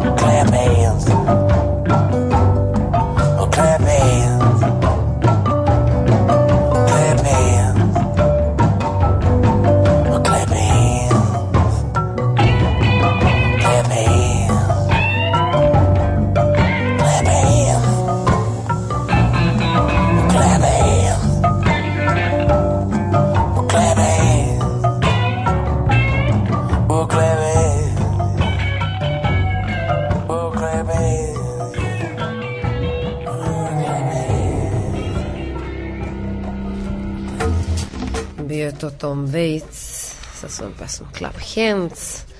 A, mi ćemo današnju Radio Galaksiju završiti redovnom rubrikom Jedan pisac, jedna knjiga. Da, I da. danas je to pisac Anatol Franz. a knjiga Ostrovo pingvina. Jeste. Znači, knjiga Anatol France je zanimljiva ličnost punim imenom Jacques Anatole François Thibault, e, pisac kritičar, jedan od ovako javnih ličnosti, mislim zove značajnih u Francuskoj na prelasku iz 19. u 20. vek. Čovjek učestvovao u svim dešavanjima tog vremena, između ostalog počeo, ne znam, od Parijske komune pa preko Dreyfusove afere, mislim zove sve do ovih dešavanja koje su koja su karakterisala, mislim, za ovaj period oko Prvog svjetskog rata i neposredno nakon Prvog svjetskog rata. E, ono što je, je e, bilo kod njega jako zanimljivo jeste što je on bio jedan od onako najvećih onako cinika, mislim zove, hajde da kažemo karakterističnih. On je rođen 1844. a umro je 1924. godine, znači on na neki način pripada formalno govoreći, a i stilski govoreći pripada pa realističkoj, neki bi rekli književnosti 19. veka, znači toj tradiciji u kojoj su radili ljudi kao što su bili, ne znam, Balzac, Tolstoj i, i, i mnogi drugi. E, Flaubert, mada Flaubert je već onako moderniji, e, a sa druge strane, međutim, po ajde da kažemo, ne ono stilu, mislim zove, nego po tonu i sadržini, mislim zove svojih knjiga, on je daleko o, moderniji, a posebno prema toj, po toj ono, nemilosrdnoj satiri i cinizmu, mislim, koji karakteriše najveći, najveći deo njegovih knjiga, uključujući i onu koji ćemo govoriti Ostrovo pingvina. Inače, Frans je, dakle, bio Odra, njegov otac je bio uh, knjižar i imao je jednu od najuglednijih, mislim, zove Maltene najugledniju knjižaru u Parizu i tako da u kojoj su navraćali svi mogući i najznačajniji ljudi francuske 19. veka, posebno najznačajniji intelektualci uopšte, mislim, zove ljudi koji su bili ovaj, vezani za knjige, te u tom kontekstu je on ovaj, tu i tako i odrastao u toj nekoj atmosferi. Kasnije je radio kao novinar i urednik što novinski, što književni i na neki način je Uh, onako ne znam, je onako, bio vodio relativno miran život osim kaže što je bio izuzetno produktivan čovjek koji je napisao nekoliko desetina ovaj, romana a i takođe ogromnu ogroman broj sitnih stvari, eseja, novinskih članaka i slično. Uh, ono što je Ono što je tako interesantno kod njega, znači pored uh, Ostrova pingvina, mislim zove njegovi najznačajniji drugi poznati romani su Zločin Silvestra Bonara koji je objavljen 1881. To je bio jedan od naj, naj um, prvih njegovih proboja, hajde tako da kažemo. Odno Tais, uh, roman 1890. koji je blizu, koji kritičari uvek porede i stavljaju ga blizu Flauberove čuvenog e, iskušenja Svetog Antonija koja je bila jedna od nakon najradikalnijih knjiga tog doba. A, a takođe, mislim, zove, znači, Ostrava pingvina je objavio 1908. E, onda je onda je nakon, nakon toga napisao nekoliko istorijskih romana, posebno čuven i na neki način gotovo ušao u neki kolokvijalni govor, posebno u francuskom i njegov roman Bogovi su žedni 1912. koji se odnosi na francusku revoluciju i na teror na teror, e, jakobinski teror u francuskoj revoluciji, a takođe je e, kao posljedica toga i velikog ugleda koji je uživao je bio jedan od jedan od prvih dobitnika Nobelove nagrade za književnost koju je dobio 1921. godine. Uh, oni su Mnogi su u 20. veku se ugledali na Anatola Fransa sa, po raznim stvarima. Uh, znači, kada je preminuo 1924. veliki pesnik Paul Valéry, koji inače po mnogo čemu i po mentalitetu i po književnom opusu i tako bio sušta suprotnost Fransova je održao jednu jedno, jedan fantastičan govor i možda a jedan od najspektakularnijih ovako in memorijama što bi se reklo ikada napisanih i, i, i sastavljenih. A, i a, dakle ne, a, između ostalog mislim zove je ga je kritikovao mislim zove u tom ome, dakle u, u, u tom in memorijamu ali je mislim ta kritika je onako veoma mislim neki način pohvalna, s druge strane ona ukazuje na razloge zbog kojih je njegovo delo dosta zaboravljeno tokom 20. veka zato što a, on je insistirao na tome zapravo da je na neki način na neki način e, nasuprot celom 20. veku insistirao je da su stil i stilske inovacije eksperimenti na neki način izlišni, a da u suštini mislim zove se književnost mora baviti onako kako bi se reklo tvrdim i konkretnim problemima i, e, i to je na neki način ga dovelo u suprotno sa e, većim delom poetike i glavnih tendencija cele književnosti 20. veka, tako da je on relativno, relativno zaboravljen, što naravno ne znači da nije ono prevođenje i, i čitan i tako dalje, ali mnogo manje nego što je bio slučaj ranije. A, njegova Ostrava pingvina recimo je kod nas u na srpsko, hrvatsko, bošnjačkom ili govornom području doživjelo nekoliko izdanja. To je jako interesantno, jedno tamo još u u, u, u Kraljevini Jugoslaviji pre drugog svjetskog rata, a onda nakon toga ih je bilo znači bilo bilo ih je i više mislim zove posle drugog svjetskog rata evo recimo recimo ovo izdanje koje ja držim u ruci mislim zove je biblioteka knjiga za svakog ni manje ni više, mislim zove koje se koje je objavljena 1962. godine. I sad Ostrovo pingvina je samo po sebi jedna velika satira onako u pa mislim, ajde kažemo recimo ala Gulliverova putovanja Swiftova, samo onako mnogo modernije. E, ono što je, o čemu se to radi, pa mislim zove, to je pseudo-istorija, dakle, e, znači istorija veliki meta narativ što se kaže ono opisuje velike heroje zamišljene pingvinske zemlje, a sad zašto pingvinske? Pa zato što je kaže došlo je hrišćanski misionari koji su se iskrcali na slučajnom doživjeli brodolom i iskrcali se na na ostrvo gde na kome nije bilo ljudi nego samo pingvina su oni dakle napravili grešku, pa zašto su slabo videli u to doba, nisu imali ni naočare ni slično, mislim zove, oni su rešili da pokrste i da hrišćanstvo privedu pingvine. E, kad je Bog to video, onda je zaključio da stvarno nema smisla, mislim zove da to tako i ostane samo na tome, e, pa su onda pa su onda ne, ne, ovaj, nakon toga je dao pingvinima razum, ali problem u tome što im nije dao, mislim zove onako i druge neke uh, vrline, a posredno govoreći, mislim zove kao što nije dao ni ljudima, njeli te je u tom smislu reči dovelo do toga da je istorija ostrva pingvina, mislim zove bila isto tako mračna i ovaj, depresivna kao i ovaj, ljudska istorija i sad prolazila kroz neke tako razne vrlo neobične faze. I ono što, ono što na neki način e, Frans navodi tu jeste čitav niz dešavanja iz evropske istorije, ali prelomljenih kroz potpuno jedan onako humoristički i crno-humornu perspektivu, mislim, zove života pingvina, a zaključujući, mislim, zove sa jednom vrstom ne, ne, sa, sa jednom vrstom, mislim zove, znači apokalipse koja, koja je na neki način slična ne, ne, onome što onome što nam i dan danas preti, mislim zove, odnosno uništenjem zbog toga što ne, ne, je dakle su na raspolaganju ljudima, a u njegovoj verziji pingvinima postali, mislim, zove jako moćne tehnološke da, stvari da. koje bi koje su im omogućile da znači da, ovaj, da unište svoj svet. A, ono što je interesantno jeste da kažem neki, neki od neki od segmenata Ostrava pingvina kao i drugih Fransovih knjige su onako sa, za današnjeg čitaoca mislim zove krajnje onako prozaični a da ne kažem i dosadni ali sa druge strane on ima mislim zove gotovo briljantnih momenata onako u jednom Monty Pythonovskom duhu, mislim u kojima zapravo e, daje jednu onako večno aktuelnu, mislim zove satiru na razne oblike razne oblike ljudskog ponašanja, a takođe i na račun religije koja predstavlja, mislim, zove neki način glavnu metu njegove satire. Nije ni čudo da je uglavnom zbog ove knjige, a i zbog nekih drugih, mislim, njegove, njegova dela su bila verovatno poslednja koja su izvanično stavljena na takozvani indeks librorum prohibitorum, odnosno na spisak zabranjenih knjiga koje je Vatikan izdavao do najnovijih vremena. Eto.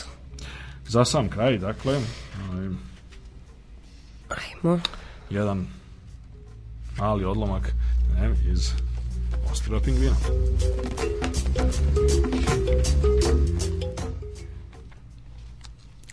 Sine moj, reče starac Majl, treba da izvršimo popis pingvina i da ih po imence zapišemo u jednu knjigu.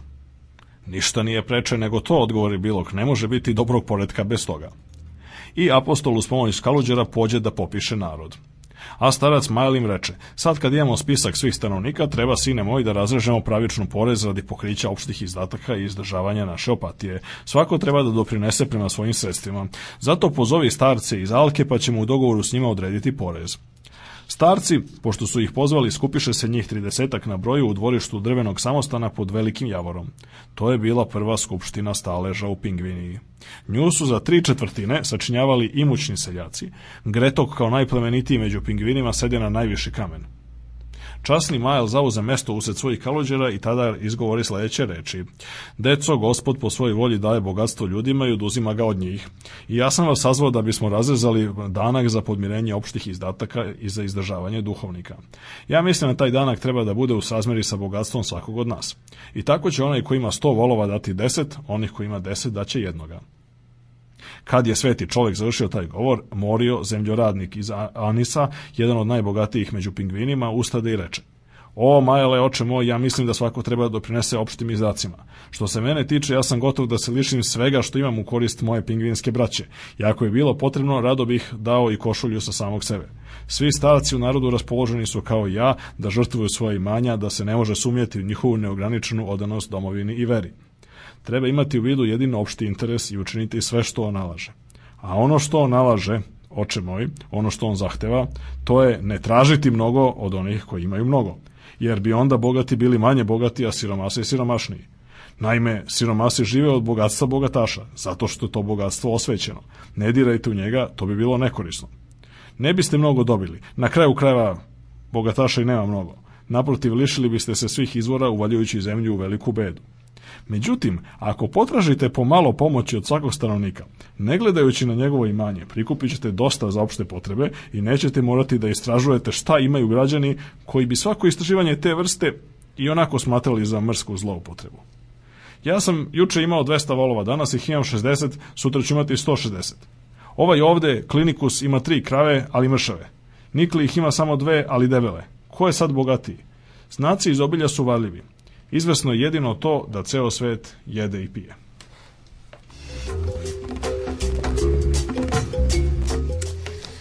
To bi je to vrlo simpatičan, zanimljiv, šaljiv odlomak iz knjige Ostravo pingvina, a bila je to i ovaj 44. ja mislim 45. 45. epizoda Radio Galaksije. Do sledeće srede, dođenja prijatno. Do slušanja.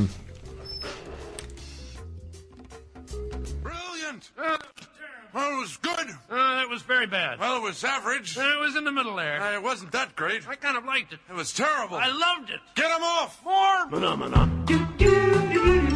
Phenomena.